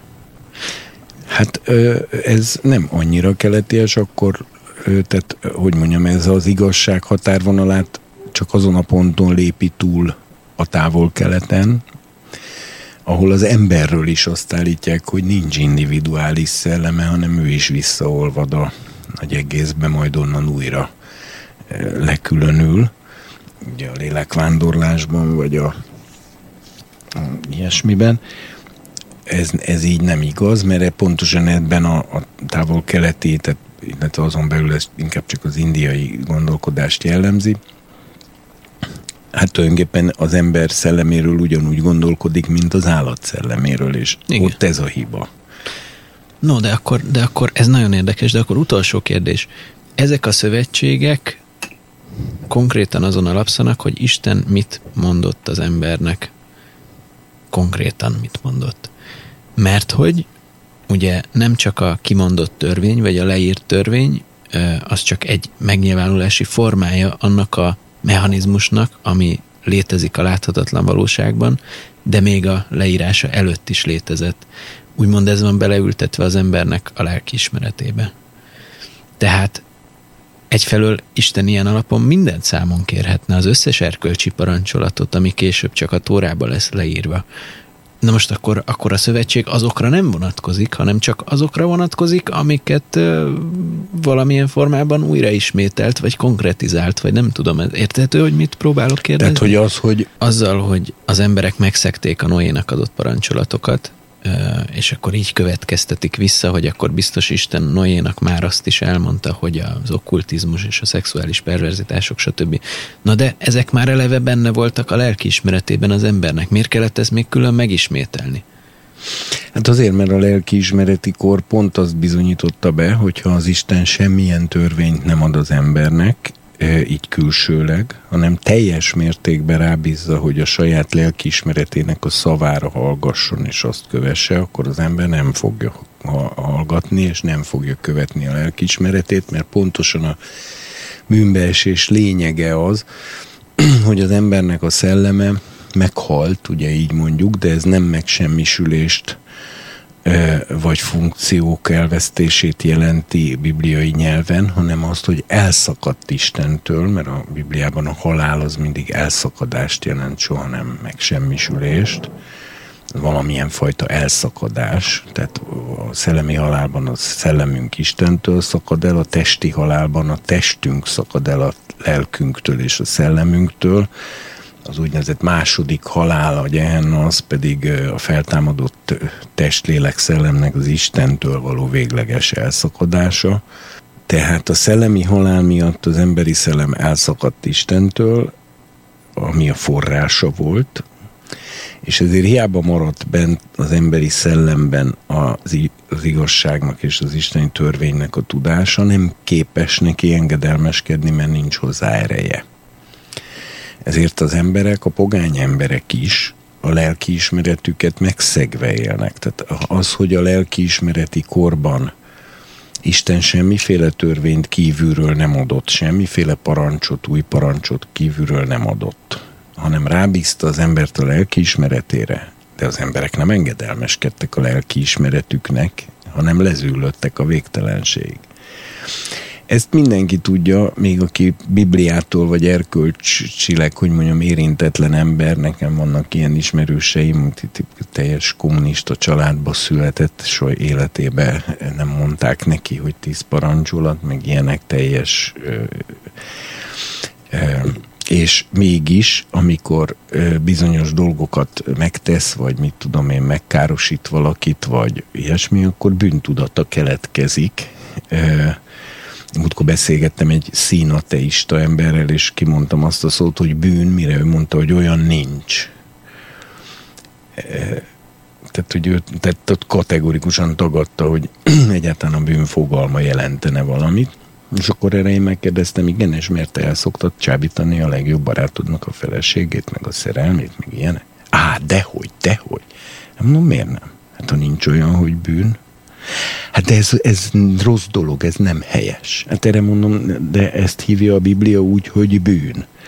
Egy darabig még ugye vitatkozott, de aztán végén elfogadta, hogy ugyanarról beszélünk, csak ő nem szereti ezt a szót, hogy bűn, de közben teljes mértékben elismeri, ateistaként is, hogy a lelkiismeretében van egy olyan parancs, hogy a barátjának a feleségét, szerelmét ne csábítsa el. Ezt a parancsot mindenki megtalálja magában, akármilyen világi, aki, aki arra képes például, hogy hogy ezt áthágja, tehát az, az már a világi emberek is gonosz embernek tekintik, aki erre azt mondja, hogy hát ez engem nem érdekel, ez simán megcsinálom. A világban is azt mondják, hogy ez egy cinikus, hideg, szeretetlen, gonosz, ö, ö, az, az, ö, szörnyeteg, és Igen, megszakítják, vele a, megszakítják vele a kapcsolatot. Jó, de ezt most azért mondom el, hogy, hogy a lelkiismeret működése az a világ, világi emberben is nyilvánvaló, csak ez nem azt jelenti, hogy engedelmeskedni is tud neki, és ezért van az, hogy a legtöbb őszinte világi ember, bármilyen ateista, azért ha őszinte önmagához, vagy hozzád, és te megkérdezed, hogy hogy semmiért nem furdal a lelkiismeretet, semmi olyat nem csináltál életedben, ami miatt elítélne a lelkiismeretet, amit úgy érzel, hogy rossz, és hogy azt nem kellett volna tenni, akkor erre minden őszinte világi ember azt fogja mondani, hogy hát dehogy nem.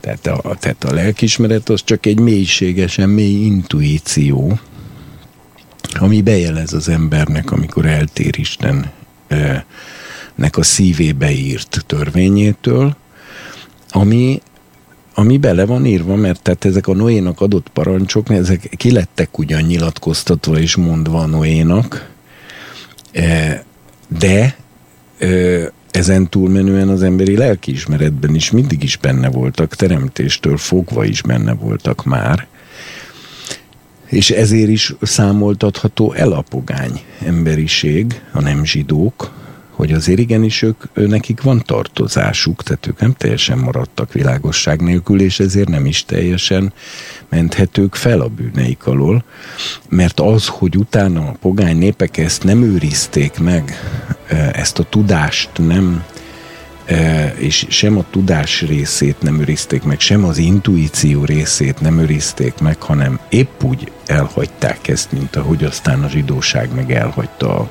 a többi 600 akár parancsot is.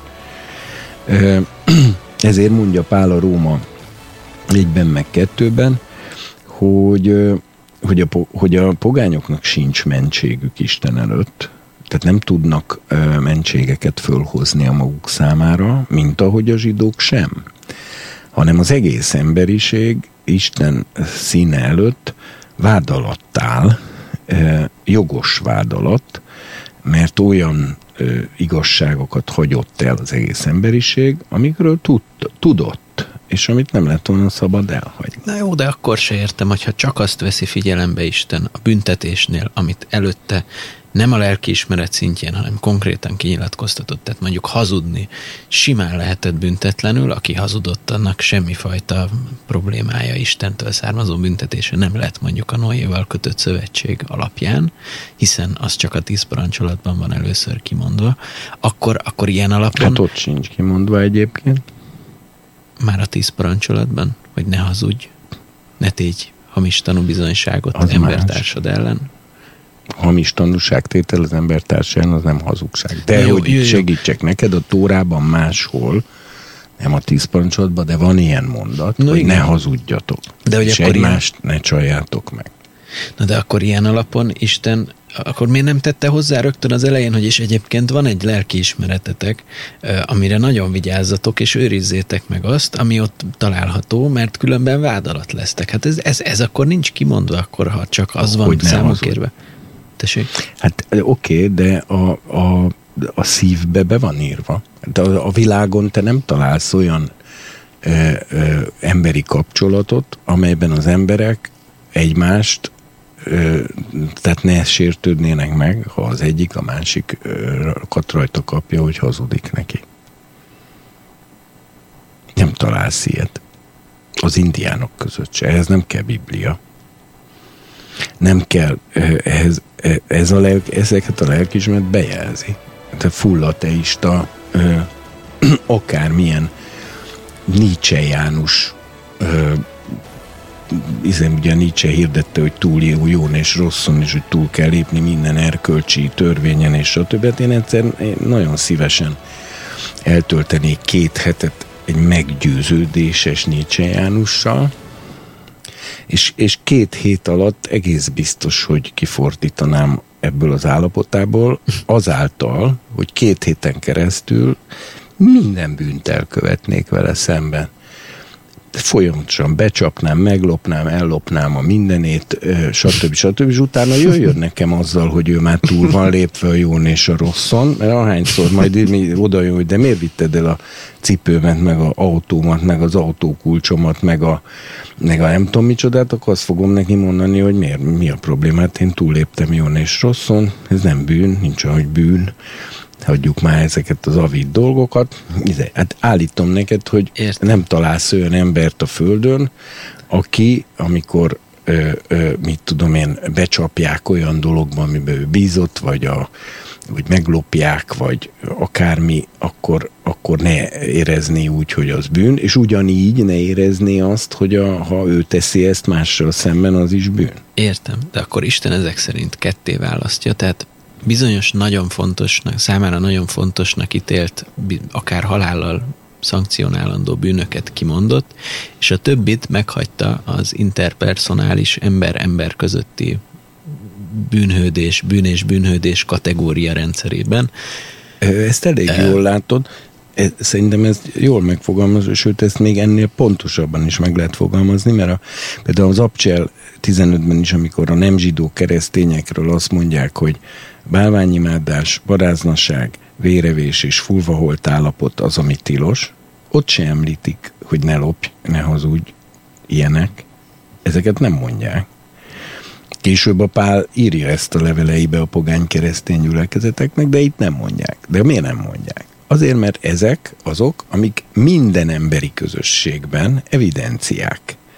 Hiszen nem is tud egy emberi közösség fönnmaradni, hogyha a, tehát minden emberi közösség eh, magától fölfogja azt, hogyha lopjuk, meglopjuk egymást, hazudozunk egymásnak, nem tartjuk meg az ígéreteinket, mindenki, e, e, hogy mondjam, nem veszi figyelembe a másikat, és itt tovább, és itt tovább, akkor minden emberi közösség széthullik, Plusz az ember ettől függetlenül is, még ha nem hullana is szét, akkor is rosszul érzi magát. Maga az is, aki csinálja ezeket, az akkor is rosszul érzi magát, ha sose derül ki és nem jönnek rá, akkor is rosszul érzi magát.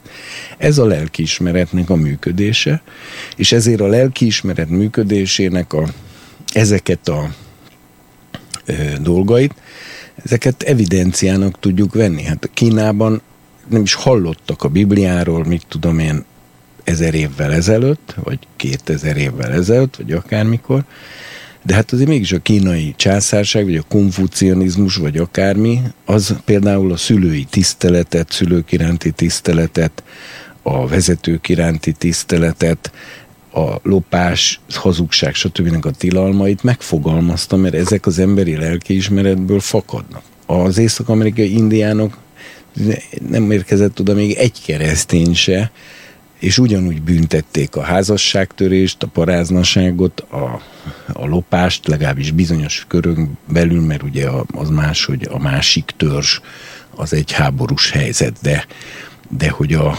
magának közösségen belül ilyesmiket nem csinálunk, ez, ez mindenhol magától adódik. Tehát ezeket Isten külön nem fogalmazta. A Noénak adott törvényekben is láthatólag azt fogalmazza meg, ami önmagától nem evidens. Mert például az, hogy a bálványimádás miért rossz. Miért rossz az, hogy valaki leborul egy, egy szobor előtt? Vagy a paráznaság miért rossz?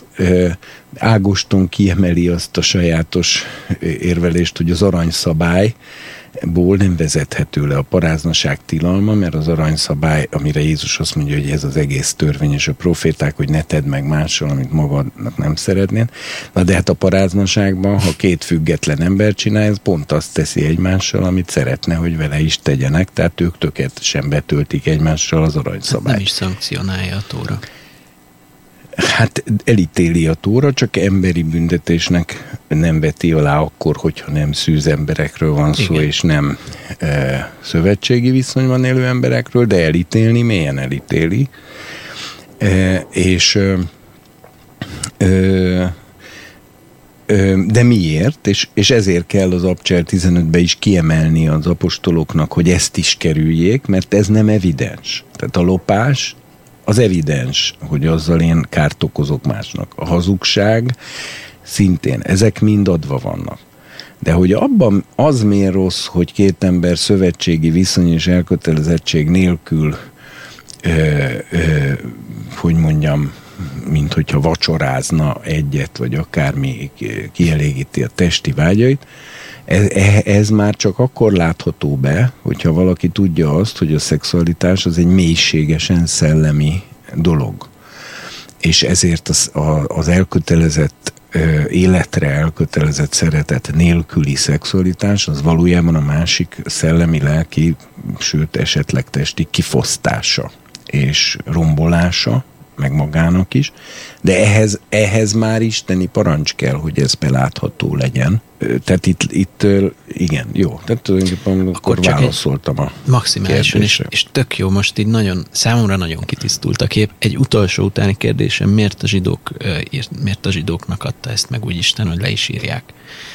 Mert ott, ott le van írva az, amit egyébként az ember tud a lelki ismeretéből. Ezek az evidenciák ott mind-mind-mind le vannak vezetve, és részletesen közé vannak téve. Miért? Hát azért, mert ami után ugye kiderült az, hogy a bűnbe esett ember első fázisban kiderült az, hogy a lelki ismeretének re, rebízva nem tud megtérni, majd megkapta az állam hatalmat, tehát, tehát az állami közösségi formát a Noénak adott törvénybe, ami egy újabb esély volt arra, hogy akkor ezzel talán sikerül, mert akkor így egymást is fegyelmezik az emberek. De hát utána eltelt újabb közel 500 év, tehát ugye 1656 év után Ábrahám az azt hiszem talán 52 éves volt, vagy mennyi, mikor a teremtés 2000. éve volt.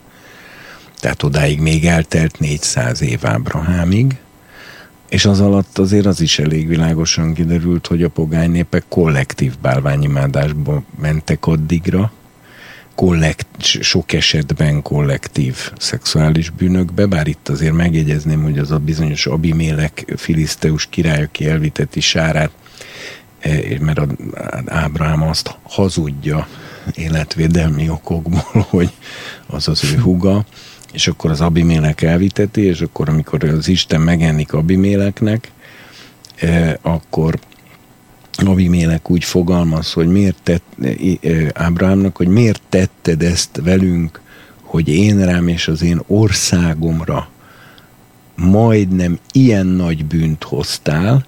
Hát itt azért látszik, hogy egy pogány ember, aki egyetlen egy házasságtörést is katasztrofálisnak tekintene, nem csak magára, hanem az egész országára nézve.